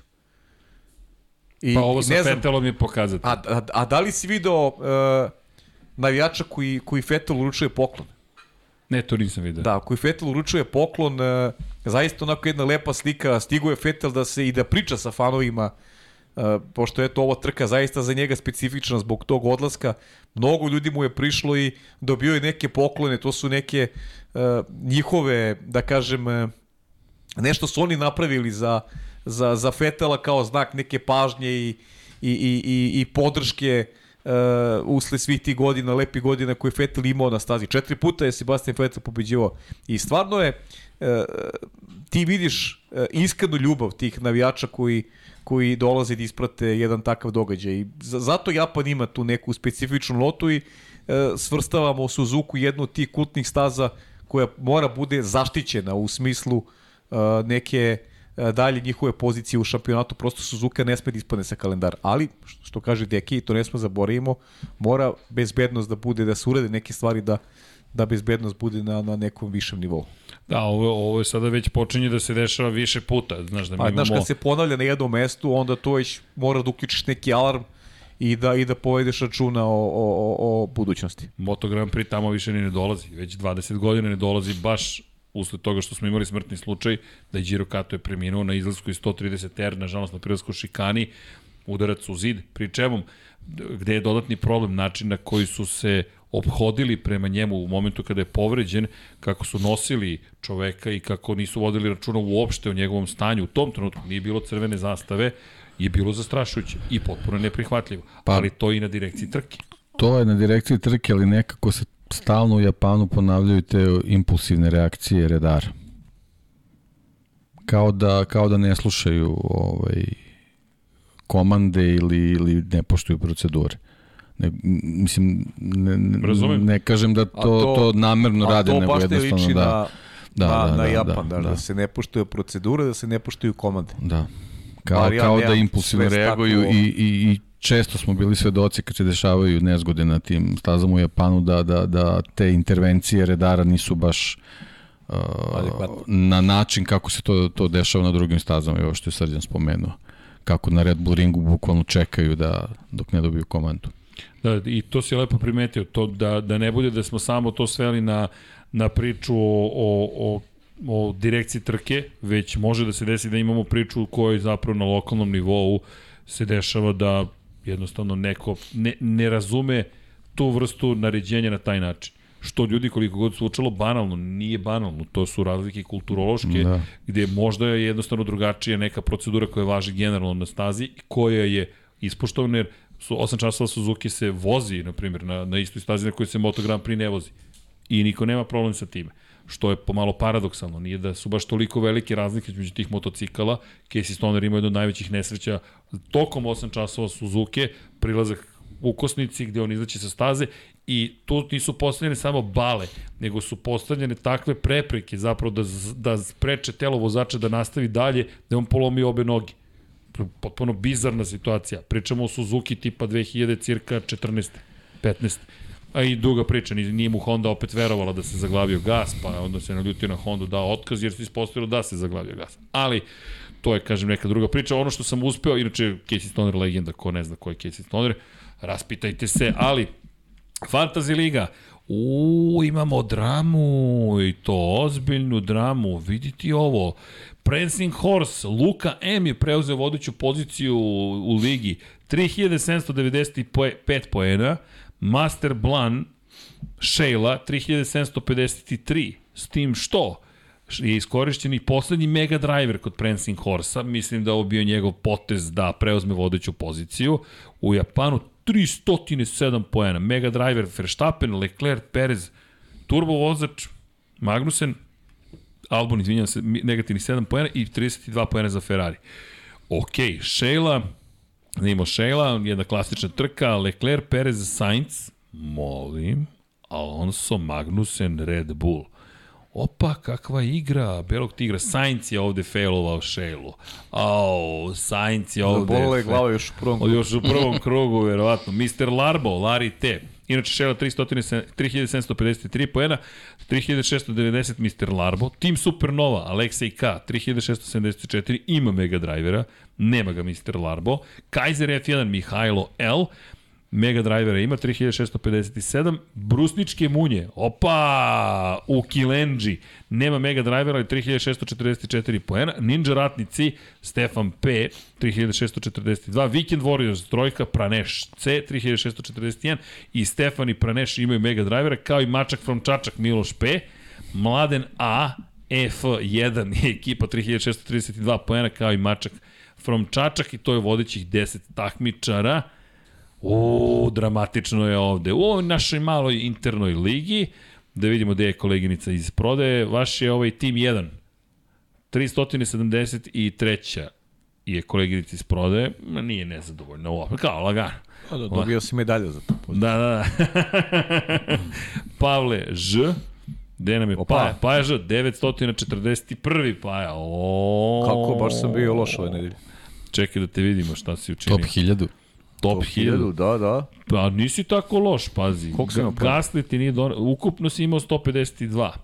Ali 31 Leclerc, 76 Perez, imaš 76 turbo vozač, 11 pojena Norris, Gasly bez bodova, Bottas 2. Zato si dobio. Zato si dobio saksiju. Dakle, 32 pojena Ja za, verujem za u od početka sezone. Tako je, pa Ne menjam ja. ekipu. Pa ja veruje. I da imamo Dejan Potkonjak, Pop GP, ti Pop GP? Ne. Ne, ti si Team 3. Da. 2430 ti si. Um, Verstappen, Pe, ali nije loš vikend, 175 poena. Perez, Leclerc. Ali bilo je loših vikenda. O, a, ne, ne, znaš koja ekipa mu stoji? Alfa Romeo. Jedan poen. A, pa da, Da. pa dobro. Ne, ne, Ko ne. zna od kad stoji, da. Pa da, njega, njega, pa da, pa ja ne menjam od početka, nis, ništa nisam menjao. U, čekaj, Ali ekipa je, ekipa je, Ti si 2430. Dobro. eki, ekipa te rastura. Jao, 2310. Idemo! Njemu je važno, Idemo! njemu je važno da bude. Da. Nego šta? Neverovatno. Ovo su Latifi i, i De Vries. Latifi ima Zepin. Mazepin, otprilike. Sa mojih veličanstvenih 111 poena u Japanu, Verstappen, Sainz, turbo vozač Sainz, trubo vozač mi je bio Sainz, ali dobro, da citiram Nenada Vasića, ja mislim, ne, Aleksandra Vasića iz sport sveta kompjutera, tamo cirka 88. Alonso 14, Yuki Tsunoda 8, Mick Schumacher 1 poen i Ferrari 32. Pa dobro. I nije tako, nismo, to, nismo toliko loši. Reši ti to otko što hoćeš. Za vikend. Za ceo jedan vikend, da, reci. Da, šta? Dobro, nije to mala stvar. Inače, e, da, prošle nedelje pređe smo, nisi bio tu za 20.000 tog subscribera. Nisam, ja sam ispratio, bilo. da. Si ispratio? Super, jes. To je baš je bio lep trenutak, tako Lepo. da Ili, hvala. ili imamo 30 ove nedelje. A, kako? Ima 2140. 20.140, 2140. Ne, imamo YouTube menadžera. Javili su se iz YouTube-a i rekli imate svog YouTube menadžera. Ljudi, to je živ čovek iz YouTube-a. Michael Masi. Michael, Michael Mas. E, ali hvala vam na tome. Zato udrite like, Il, il, subscribe, ili su usluge menadžera besplatne? Kako? Ili? E, ne znam, ali To će se videti tek. Kako? Kako? Plaća YouTube. Šta plaća? A ne, Usluge jeste, jeste, menadžera. znam, znam. Usluge ne, ne, Šalimo pa se ne, ne, malo, ja se Paja, šalim. Vanja, Da, ozbiljan čovek, on shvatio Da, da, da. ozbiljno pitanje. Ali da, da, ne, javio se... Vanja profesionalac, Vanja odmah sve Vanja, odmah. Ej, Vanja, dobio si pohvale za tranzicije tokom prethodnog podcasta. Kaže, Srki se hvata za šolju i u tom momentu i prelazi kadar na Dekija. Ja krećem da pijem nešto iz šolje, kad sam ja spustio, Vanja je tačno vratio kadar. Šta da vam kažem? Hollywood. Hollywood. tri karte za Hollywood, tri stolice za Hollywood. A, nego, da se mi vratimo, imamo još pitanja, jer smo, ne, smo nešto propustili na velikoj nagradi Japana. Smo nešto propustili generalno, Neku, sigurno neku nešto kontroverzu. Propustili smo veliku nagradu Japana. Da, bravo. Samo to. Imali smo sve, samo trku. I šampiona smo propustili, ništa da, više. Da, da, da, da. Sitnica. Da. Ako je šampion. Ako je Sa šampion. tim bodovima. Da. To. Je Da. on šampion u stvari ili nije? Ko? Pa Max. Max. Maksimalni šampion. Jeste, čovjek je šampion. Pa ne, Čekamo. mislim, zvanično, teoretski, jeste. Jeste, jeste. Izvanično, pa ne, sad je već mnogo priča, priča o budžetima i kako će reagovati Ferrari, Mercedes i ostali, jer mali prekršaj, koliko je mali Pa dobro, taj ali mali prekršaj. čekam, ali, čekam to- da to čujemo, ne možemo Tako je. pričamo o tome kad nećemo da nagađamo, stvarno ne, ne Tako je. Dobro, možemo da spomenemo da Pietro Fittipaldi dobio priliku u Mexico City i Abu Dhabi da vozi u treningu broj 1 od vesti koje su se desile. Može. Čisto eto, ne, da ne zaboravimo da smo imali tu vest i to je to. I ja ne znam da li... Naravno, uvijek će postojati još nešto, ali... I da Daniel Ricardo sve više potvrđuje da neće voziti Da, da, sledeće to- da, godine. Da, da, rekao je da. Rekao je da mu je Iako imamo povratak. još ta dva mesta i tako. Da, povratak 2024. da mu je to, da mu je to cilj. To cilj. Pa on će vratno u Mercedes da bude rezervni vozač. rekli. Pa da, malo verovatno. Da. Prosto već je previše novih imena, pitanje koji sponzori će želiti da sarađuju sa njim, ne zato što njemu nešto sad nedostaje, nego zato što postaje prevelik rizik, moraš da čekaš. Ali, ne bih odustao tek tako od Ricarda, jeste da nije kao Alonso dvostruki šampion sveta, pa da može eventualno da nekako iznudi povrat, vraćanje u Formulu 1, ali eto, držimo palče da može da Pa nađe ne, ali ne, mora nešto poštimo stvari, ono što smo u jednom momentu tija u treningu pričali. Da. Ricardo je neko ko ima cenu svoju. Da E li, da, da, to je- li on to je- to da li on, ona je, ona je previsok. okej, Ali, E. a, ok, deki, ali da li je spreman da spusti tu cenu? Da bi vozio? Jer s početka karijere znamo da je Pa najmanje, znaš kako, najmanje nema, zarađivao. nema puno argumenta da bi, da bi držao svoju cenu. Pa dobro. Dobro, ali opet se vraćamo na isto pitanje. Šta mu je važnije u ovom trenutku? Upravo to. Da se vrati u bolid Formula 1, Ja mislim da je njemu upravo to bilo važno. Zbog toga i karijera krenula tako kako jeste. Da Jer zaradi. mislim da je suštinska greška bila odlazak iz Alpine. To je to sam i tada pričao i to mislim i danas. Da je njegova suštinska greška bila odlazak iz Alpine. Ali bilo prošlo. Tamo nema povratka. Nema. Bukvalno tamo nema povratka. A i to I je... ono što je Baton pričao sada, Baton koji očigledno ima respekt za Ricarda, da ne može da shvati da neko ima ambiciju da Pa evo, Bude ajde sad da pogledamo gde ima, gde ima povratka. Znači samo kao rezervni vozač Mercedesa, ali tako? samo kao rezervni vozač Mercedes. Znači Toro Rosso, Red Bull, ništa. Alpina ništa. McLaren, verovatno ništa. Baš se sužava, baš se sužava izbor. Jeste? Od Da. 10 timova. Šta ti ostaje? Aston Martin? Ostaje ti Aston Martin kad? Pa Alonso, na primjer, ako... Da. A on ima Da, da. trogodišnji Pa ugovor. dobro, ima trogodišnji ugovor, ali... Pa Pitanje- dobro, to ne znaš, pitanje je, da, okej, ne znaš, činjenica je. A Williams, realno imaš Haas, Williams Haas. koji te ne žele. Jer da, Da. te žele, oni bi ti sad Oni ponudili sad su sedište. mogli. Tako je, tako, je, pa da. To ti je Da. već Odmah bi šest, reagovali, tako to ti je Da. šest timova. Evo što kaže koleginica iz prodaja, će Ferrari. To je sedmi tim, ostaju ti tri tima. I sad smo spomenuli, Aston Martin je jedan od tih timova. Alfa Romeo. I šta nam je ostalo? Koga sam zaboravio? Ova, se, ova sezona mu, Nekog sam ispustio. ova sezona mu ne, baš, Mercedes nismo spomenuli. Mercedes, da, tako je, nismo Mercedes koji ga da. neće angažovati. ova sezona mu ne ide u prilog. Znaš, ne vidim i pri čemu Fernando Alonso je zalupio mnoga vrata iza sebe. Ali je dovoljno veliki vozač i zvezda da može da otvori ponovo ta To je vrata. šampion je, samim Tako je. tim nisu u istom košu. Tako je. A Ricardo je otišao iz Red Bulla tako što je dao slavlje Cyrila Bitebolu i to da se sladi Kristijanu Horneru. Horner to ne zaboravlja. Dakle, to je i lično koliko i profesionalno. Dakle, Toro Rosso, to je Alfa Tauri, kao što si rekao, Red Bull, dobro, vrata nema, ne, zatvorena. ne, ne pričamo o Red Bullu. McLaren, otkazali su mu ugovor, ne vidim povratak tamo. Renault, on je ostavio Renault na jedan bizaran način. Dakle, u momentu kada oni od njega žele da stvore glavnog vozača, zvezdu, čoveka koji ih vodi u svetlu budućnost. Tako, znaš, mnogo je tu zatvorenih vrata. Prosto nije sebi baš učinio dovoljno usluga da bi mogao tek tako da se vrati. Koliko god bio i zvezda, i brz, i šarmantan, i harizmatičan, postoje određeni problemi. Ništa drugo. Šarmantan i harizmatičan je ostalo. da, Ovo da, da. ostalo diskutabilno. Da. Dobro, ljudi. Me neko nešto da pita? Kaže, Pitaju mi, Uradi. pitaju. da. Ja mislim, Deki gleda, gleda, gleda na časovnik. To je to. Nemoj, nemoj. Puštaj da. muziku. Puštaj Vanja. muziku, šalim se. A, kaže, Master ima Srki dao sam ti dezinformaciju, rekao brzine 2 točka sa 500 i nešto, oboren sa 634 km na čas. Hvala. Sutra ćemo to, ali evo, Koder DFC kaže Ricardo umesto Pereza u Red Bull. Neće se desiti. Ljudi, to je sad na nivou ličnog. Red Bull ima opcije Ricardo, pri čemu šta će mi Ricardo? Šta da, ako... Pa ne, on nije želeo da bude drugi vozač, je. to, to Tako je je. već kod istog, kod istog prvog vozača. Tako je. Inače, evo pitanje za, za Matiju Binota, da li će ostati? Pa ja mislim da će on ostati do dalje. Pitanje za Matiju Binota. Ne, pitanje o Daj. Matiju Binota. Čekaj, čekaj, čekaj, čekaj. Da, da, da. Matija, Čekaj, ostaješ? čekaj baš da vidim šta će da odgovori jel ostaješ? E, Ja, on je sad do lakata u ulju, Pa, nekom, tu- neki tu motor treba se da ostane. pakuje, nešto. Pa tu da, treba da, da, ostane, u garaži, ali da vodi tim. Pa da, ali da. opet vrtimo istu priču u krug. Ajde da govorimo o konkretno pitanje. Mislim da će ostati. Pa vrtimo, da. Još jednu Srđane, godinu mislim to da je, će ostati. Znaš, šta znači to? Kao degradiran si. Ne razumem. Pa baviš se onim što je tvoja struka, što je tvoja specijalnost. A pusti druge da rukovodi tim. Jer očigledno da te stvari ne funkcionišu najbolje unutar Ferrari. I to je to. Ja, ja, ne vidim razlog ni jedan da Matija Binotto ostane šef tima. Ni jedan. Realno. Osim što će ostati. Ok, ali to je problem Ferrarija. Da, da. Da, inače, evo pitanje, da li znamo šta radi Gino Rosato u Ferrariju?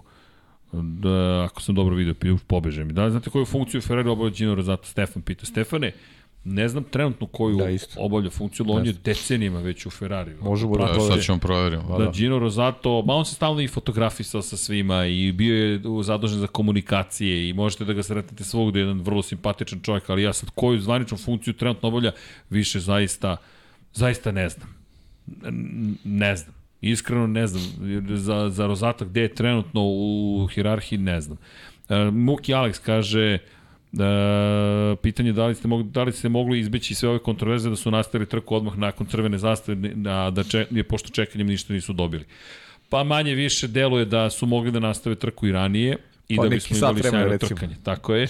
I da, izbjegli bismo sve kontroverze, ali okej, a ono što je šteta velika da se ovo desilo u bilo kojoj drugoj trci. To bi to ne bi bio preterano veliki problem. Jer niko nije osvojio titulu šampiona sveta. Ovako nekako kao da nismo imali trku za titulu šampiona sveta. To je najveći A problem. nije, bi problem bi bio svuda. Ne, ali ne ovoliki pa je. Pa okej, možda se ne bi toliko pričalo, ali mislim da, problem da je svakako. problem je svakako. I, ali bismo rekli, ovo je neverovatno da mi imamo ovu situaciju, ali ovo je, znaš, ne dešava se svaki dan da osvojiš titulu Osnovni šampiona problem sveta. i pitanje je čemu služe gume za kišu. A to je tek To je pride osnovni problem pitanje. Zašto se prave gume za kišu? Čekaj, ko je proko... zašto, Vettel zašto, mi ne, zašto mi nemamo trke po kiši? Znaš šta je prokomentarisao, izvini, Sebastian Vettel? Imaš kačket iza sebe, o, pored Ferrarija, rekao je da odemo do Bridgestonove fabrike da pozajmimo gume za kišu za Formulu 1. Prilično surovo prema Pireliju, ali Pirelli koliko god da ga branimo kada je reč o zahtevima koji mu se pišu za gume za suvo, ovo je nešto što mora da proizvede bolje. I već godinama mi imamo isti problem. A to je da gume za kišu zapravo ne čine timove zadovoljnim. Nisu zadovoljni kako su, na, kako su napravljeni, a o tome se ne priča dovoljno. Prosto se niko gotovo ne bavi time. E, Gino Rosato je opisan kao multipraktik. Eto, Kao- to mu je titula. to mu je eto, multipraktik. Pa, si ga tako i najavio. Da. E, ima Deki Andri za Deki pitanje. E, Deki za Deki, to tako uvijek ide. Kaže, autosportu redko gde se poštuju i primenjuju pravila i kazne. Da li je možda reli disciplina tu malo iznad ostalih automoto šampionata, tu po meni se pravila kazni primenjuje. Da si ne znam koji je vozač šampion, tim kaznu dobiješ ako si kriv. Pa jeste, ali dobro, reli je takav sport da, da zbog same konfiguracije ovaj, nema toliko polja gde se, gde se dešavaju kazne, ali upravo, upravo zbog, zbog vrste sporta ovaj, pravila tamo zaista moraju da se poštuju, tako da ovaj, upravo je, upravo je. Mada se tu dešavaju nekad neke, neke, ovaj, neki sitni ustupci zvezdama, ali, ali generalno ovaj, poštuju se pravila. Da, komentarisali smo, eto, Deki podsjeća i DTM ove godine, dakle, imali ste da, priliku gledati šampion na... je rešen. Da, šampionat je rešen, Da, da, bio- završena sezona. Samo pozdravimo dame. Devojke, laka vam noć. Ćao, Nadam se da ste se zabavile. Ćao. Ćao, ćao. Ovaj, da, bio je ozbiljan incident na, na trci. U subotu, da. Ti ja smo Da, se da, dopisivali, da, da, da. apropo. Da, Da, baš je bilo da. I opet, opet eto problematično. priča o sudijama, znači incident prvi na startu gde, Vidio gde sam, se ne, de, ne odreaguje nekim safety carom, žutim zastavama i onda To je posle par bilo, krivina, posle par krivina ozbiljan karambol, eto to je. Jeste. Ma ne, generalno, apropo crvenih zastava, evo i ovde jedno pitanje, Da. da. kada jedan komentar kaže od svega ovoga se, na primjer, zaboravilo na predivnu trku zapravo između Leclerca i Verstappena na početku. I jeste, Da. da. to ono što da. nismo dobili, to, je, to, je, to je ogromna šteta. Nismo na kraju Pa dobili. zar, lepo smo rekli na početku, uh, kad je krenulo, ti imaš 40 minuta, mogu si dobiješ trku sa, sa različitim strategijama, da vidiš kako će se snađu u tim vanrednim uslovima. Ti si dobio 40 minuta koje su prošla očas posla i prave trke jednostavno nije bilo. Da nije bilo tog manevra poteza Aston Martina i Williamsa, koji su bolje procenili situaciju od drugih, pa ne bi imao ništa, bukvalno. Bukvalno. Da, inače, evo pitanje, kako to da, za šta dovodi do ubrzanja staze i na koji način se dešava. E, pa ajmo ovako, kada je reč o kišnim, to je vlažnoj stazi, bukvalno se suši staza. Jednostavno, ukoliko nema novih padavina, temperatura, vetar, dakle, sunčevi, nakon sunce bi bilo idealno, ali ukoliko nema sunca, vetar i kako utiče. Možda je to hladni fen, ali i dalje fen. On konstantno suši i sklanja vlažnost, to je sklanja vlagu sa staze. S druge strane, same gume jednostavno toliku temperaturu generišu, pošto govorimo opet od nekih 100 stepeni Celzijusa, stalno prelaze preko istih, pogotovo idealnih putanja. Mi dobro istiskuju gumu sa tih putanja, i- e, vodu sa i- tih putanja. Tako da. i istiskuju vodu sa idealne putanje, tako da vi dobijete polako stazu koja se suši, što dovodi do, do mnogo većeg prijanja, to je trenje se, stepen pretrenja se povećava, što dovodi do potrošnje guma takođe, jer te gume nisu pravljene za te uslove, pa onda morate da reagujete u pravom trenutku. I sad, oni koji su na gumama za kišu su sve sporiji, jer sada njima počinju da, da se tope pneumatici, a oni koji su prošli, prešli na nove gume, da li za promenje vremenske uslove ili za suvo, odjednom su mnogo, mnogo, mnogo brži. Kada je reč o suvoj stazi, kako se ubrzava, uglavnom se ubrzava tako što se dešavaju dve ključne stvari. Prvo, čisti se staza, dobar deo staza se ne koristi tokom cele godine i veliki sloj prašine, peska, zavisi gde se nalazi, se nanese na stazu. Pokušavaju organizatori da to očiste pred početak, ali uglavnom vozači svojim, jel te, motociklima, bolidima čiste stazu i druga stvar, kada je očiste, počinju da utrnjavaju gumu u asfalt. Dakle, troše se gume, šta znači troše? Bukvalno se kidaju komadići gume i one se polako utrljavaju u idealnu putanju i to možete da vidite taj efekt vrlo snažno izražen, na primjer je u kvalifikacijama u Moto Grand Prix. Posle Moto Grand Prix kvalifikacije, kada izađu vozači Moto 2 klase, oni koji su u Q1 delu kvalifikacija obično znaju da budu brži nego kasnije, jer je ostala utrnjena guma sa većih motocikala. Tako da su to dva načina na koji se stvari ubrzavaju. Marko kaže Ricardo u Formulu E. Vidjet ćemo, nije nemoguće, ali mislim da on Pa ne on- želi taj da, potez sada da pravi. On kaže da ga to ne zanima, Tako je. sad vidjet ćemo. I kaže šta mislite za koga ima mesta 2026. u kontekstu Ma. proizvođača ili za vozače? Ne, A za vozače pita, ali stvarno Ljudi, je teško. Teško, teško. Za Mnogo, Teja mnogo je daleko. Pa. Za Teja Pušera Da. i ranije, verovatno. Da. Inače, da i pitanje, Ivan Rebac pita gde, gde je knjigu za Markeza, gde su pokrovitelji. Aha, pa knjiga će biti u, knjiga u štampi već, ali će biti u rukama našim tokom sajma knjiga u Beogradu, tako da znate, to je od 23.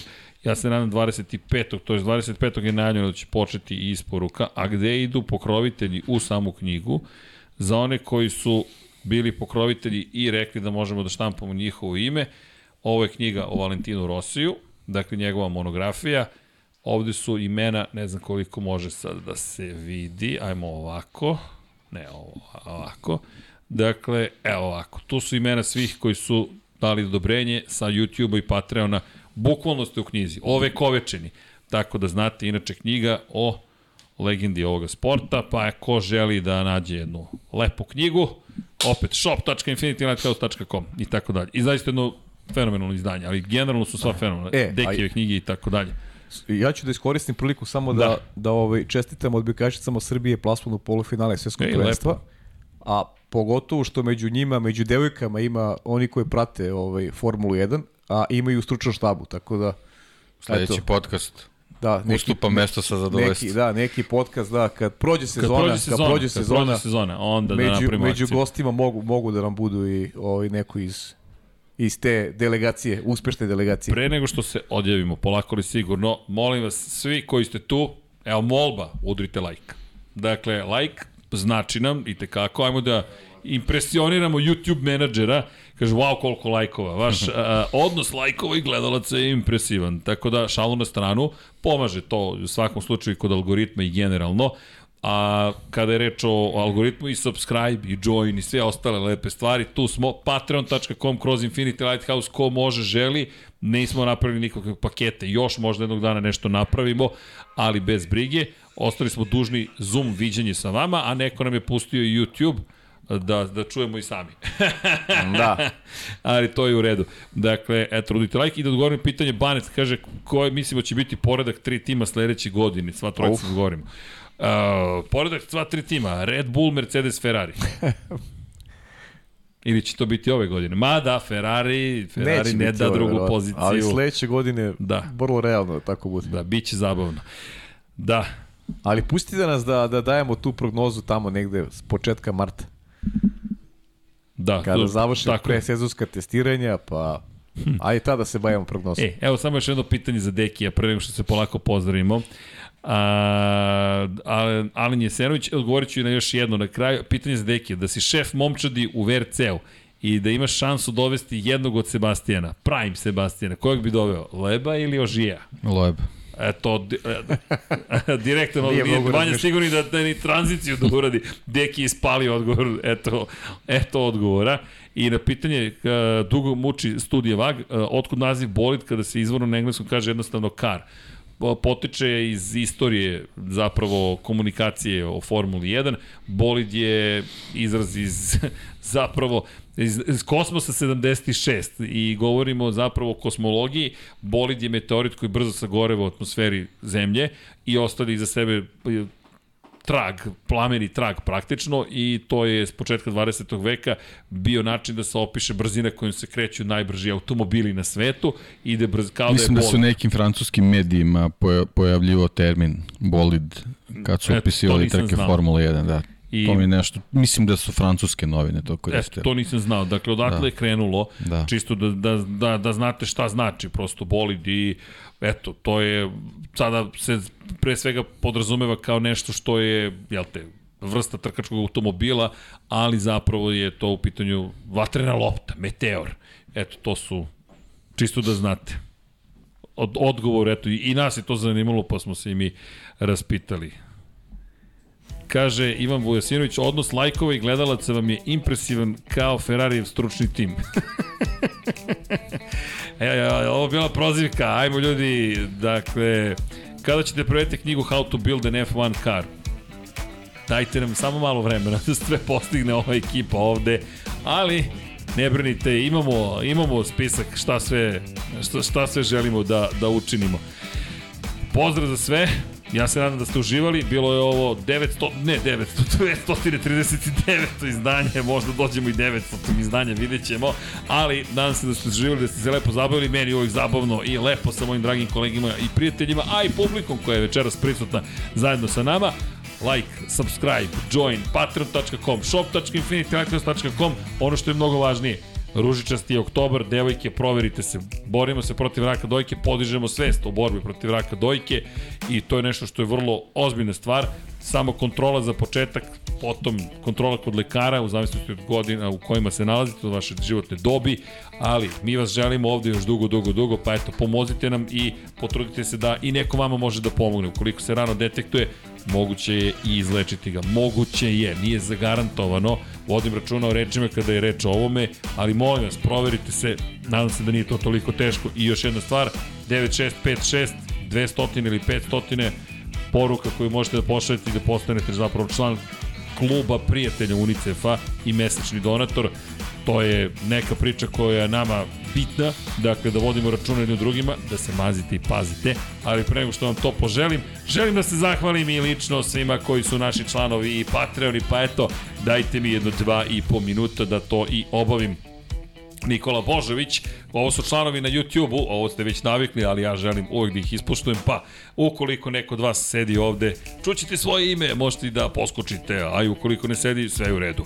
Nikola Božović, Nikola Vulović, Ivana Vesković, Ivan Vincetić, Igor Ilić, Vuk, Nemanja Bračko, Maksi, Mensur Kurtogić, Galeksić, Nemanja Krstović, Uroš Čuturilo, Alin Jasenović, Igor Ninić, Žarko Ivanović, Marko Bogavac, Voča Pero, Vladan Đurić, korespondent, korespondent, Kosta Berić, Marakos, Zlatko Marić, Milan Knežević, Aleks Vulović, Nemanja Cimbaljević, Bojan Pejković, Koja 7, Almir Vuk, Resničanin, Petar Bjelić, Kro Robi 00, Pavle Lukić, Milorad Reljić, Andreja David, Nenad Lukić, Saša Stevanović, Toni Soni 76, Nikola Niksi, Branko Rašić, Nikola Grđan, Miloš Tanimirović, Vukašin Felmo, Bakadu, Bojan Gitarić, Ivan Magdalenić, Ivan Vujasinović, Tatjana Lemajić, Veselin Vukićić, Branislav Dević, Vukašin Vučenić, Almedin Ahmetović, Nemanja Labović, Miloš Zed, LFC, Nikola Kojić, Nemanja Miloradović, Zvonimir Papić, Marina, Vlada Ivanović, Oliver Nikolić, Jelena Jeremić, Aleksandar Nikolić, Luka, nećemo dalje da imenujemo, Nemanja, Bojan Markov i Danilo Petrović. Sa druge strane imamo kod, imamo 145 pokrovitelja, trenutno nazdravlje. 146, to imam, mislim da imamo novog pokrovitelja, okej. Hvala, šta drugo da kažem?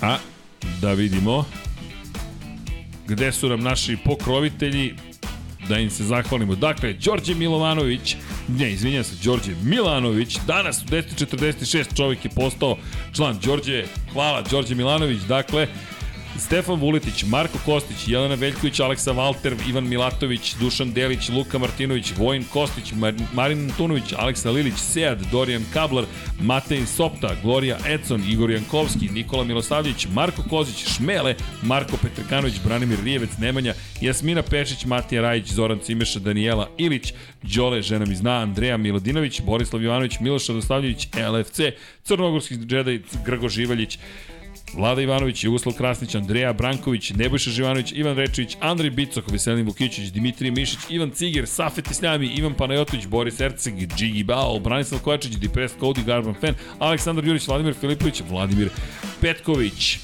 Đorđe Đukić, Pavle Dnja, Miloš Todorov, Emir Mešić, Andrija Todorović, Ertan Prelić, Alen Stojčić, Bojan Markov, Bahter Abdurmanov, Darko Trajković, Dejan Đokić, Ferenc Naslov i Branko Bisački, Žarko Milić, Aleksandar Milosavljević, Igor Gašparić, Vukašin Jekić, Branislav Marković, Igor Vučković, Aca, Vizla, Dejan Vujović, Nemanja Zagorac, Aleksandar Antonović, Novak Tomić, Boris Kujundžić, Tijana Vidanović, Aleksa Jelić, da žena ne sazna, Dušan Petrović, Lazar Pejević, Stefan Dećić, Alen Vuletić, Zoran Majdo, Nikola Stojanović, Jasenko Samarđić, Bojan Majstorović, Antonio Novak, Stefan Milošić, Miroslav Cvetić, Đole Bronkos, Ognjen Marinković, Aleksandar Nemanja Miloradović, Marina Mihajlović, Dušan Ristić, Miloš Vuletić, Luka Manitašević, Zoran Vidić, Marko Hork, Boris Golubar, Mar Mirjana Živković, Josip Kovačić, Andrej Božo, Boris Gvozden, Nenad Simić, Petar Relić, Bojan Mijatović, Milan Nešković, Borko Božunić, Mlađan Antić, Kristijan Šestak, Stefan Vidić, Ivan Žorža, Luka Savović, Jelena Mak, Goša 46, Kovačević, Over, Monika Erceg, Nena Đorđević, Nikola Božinović, Filip, Mihajlo Krgović, zatim Nik, Đorđe Radović, Predrag Simić, Ivan Simunović,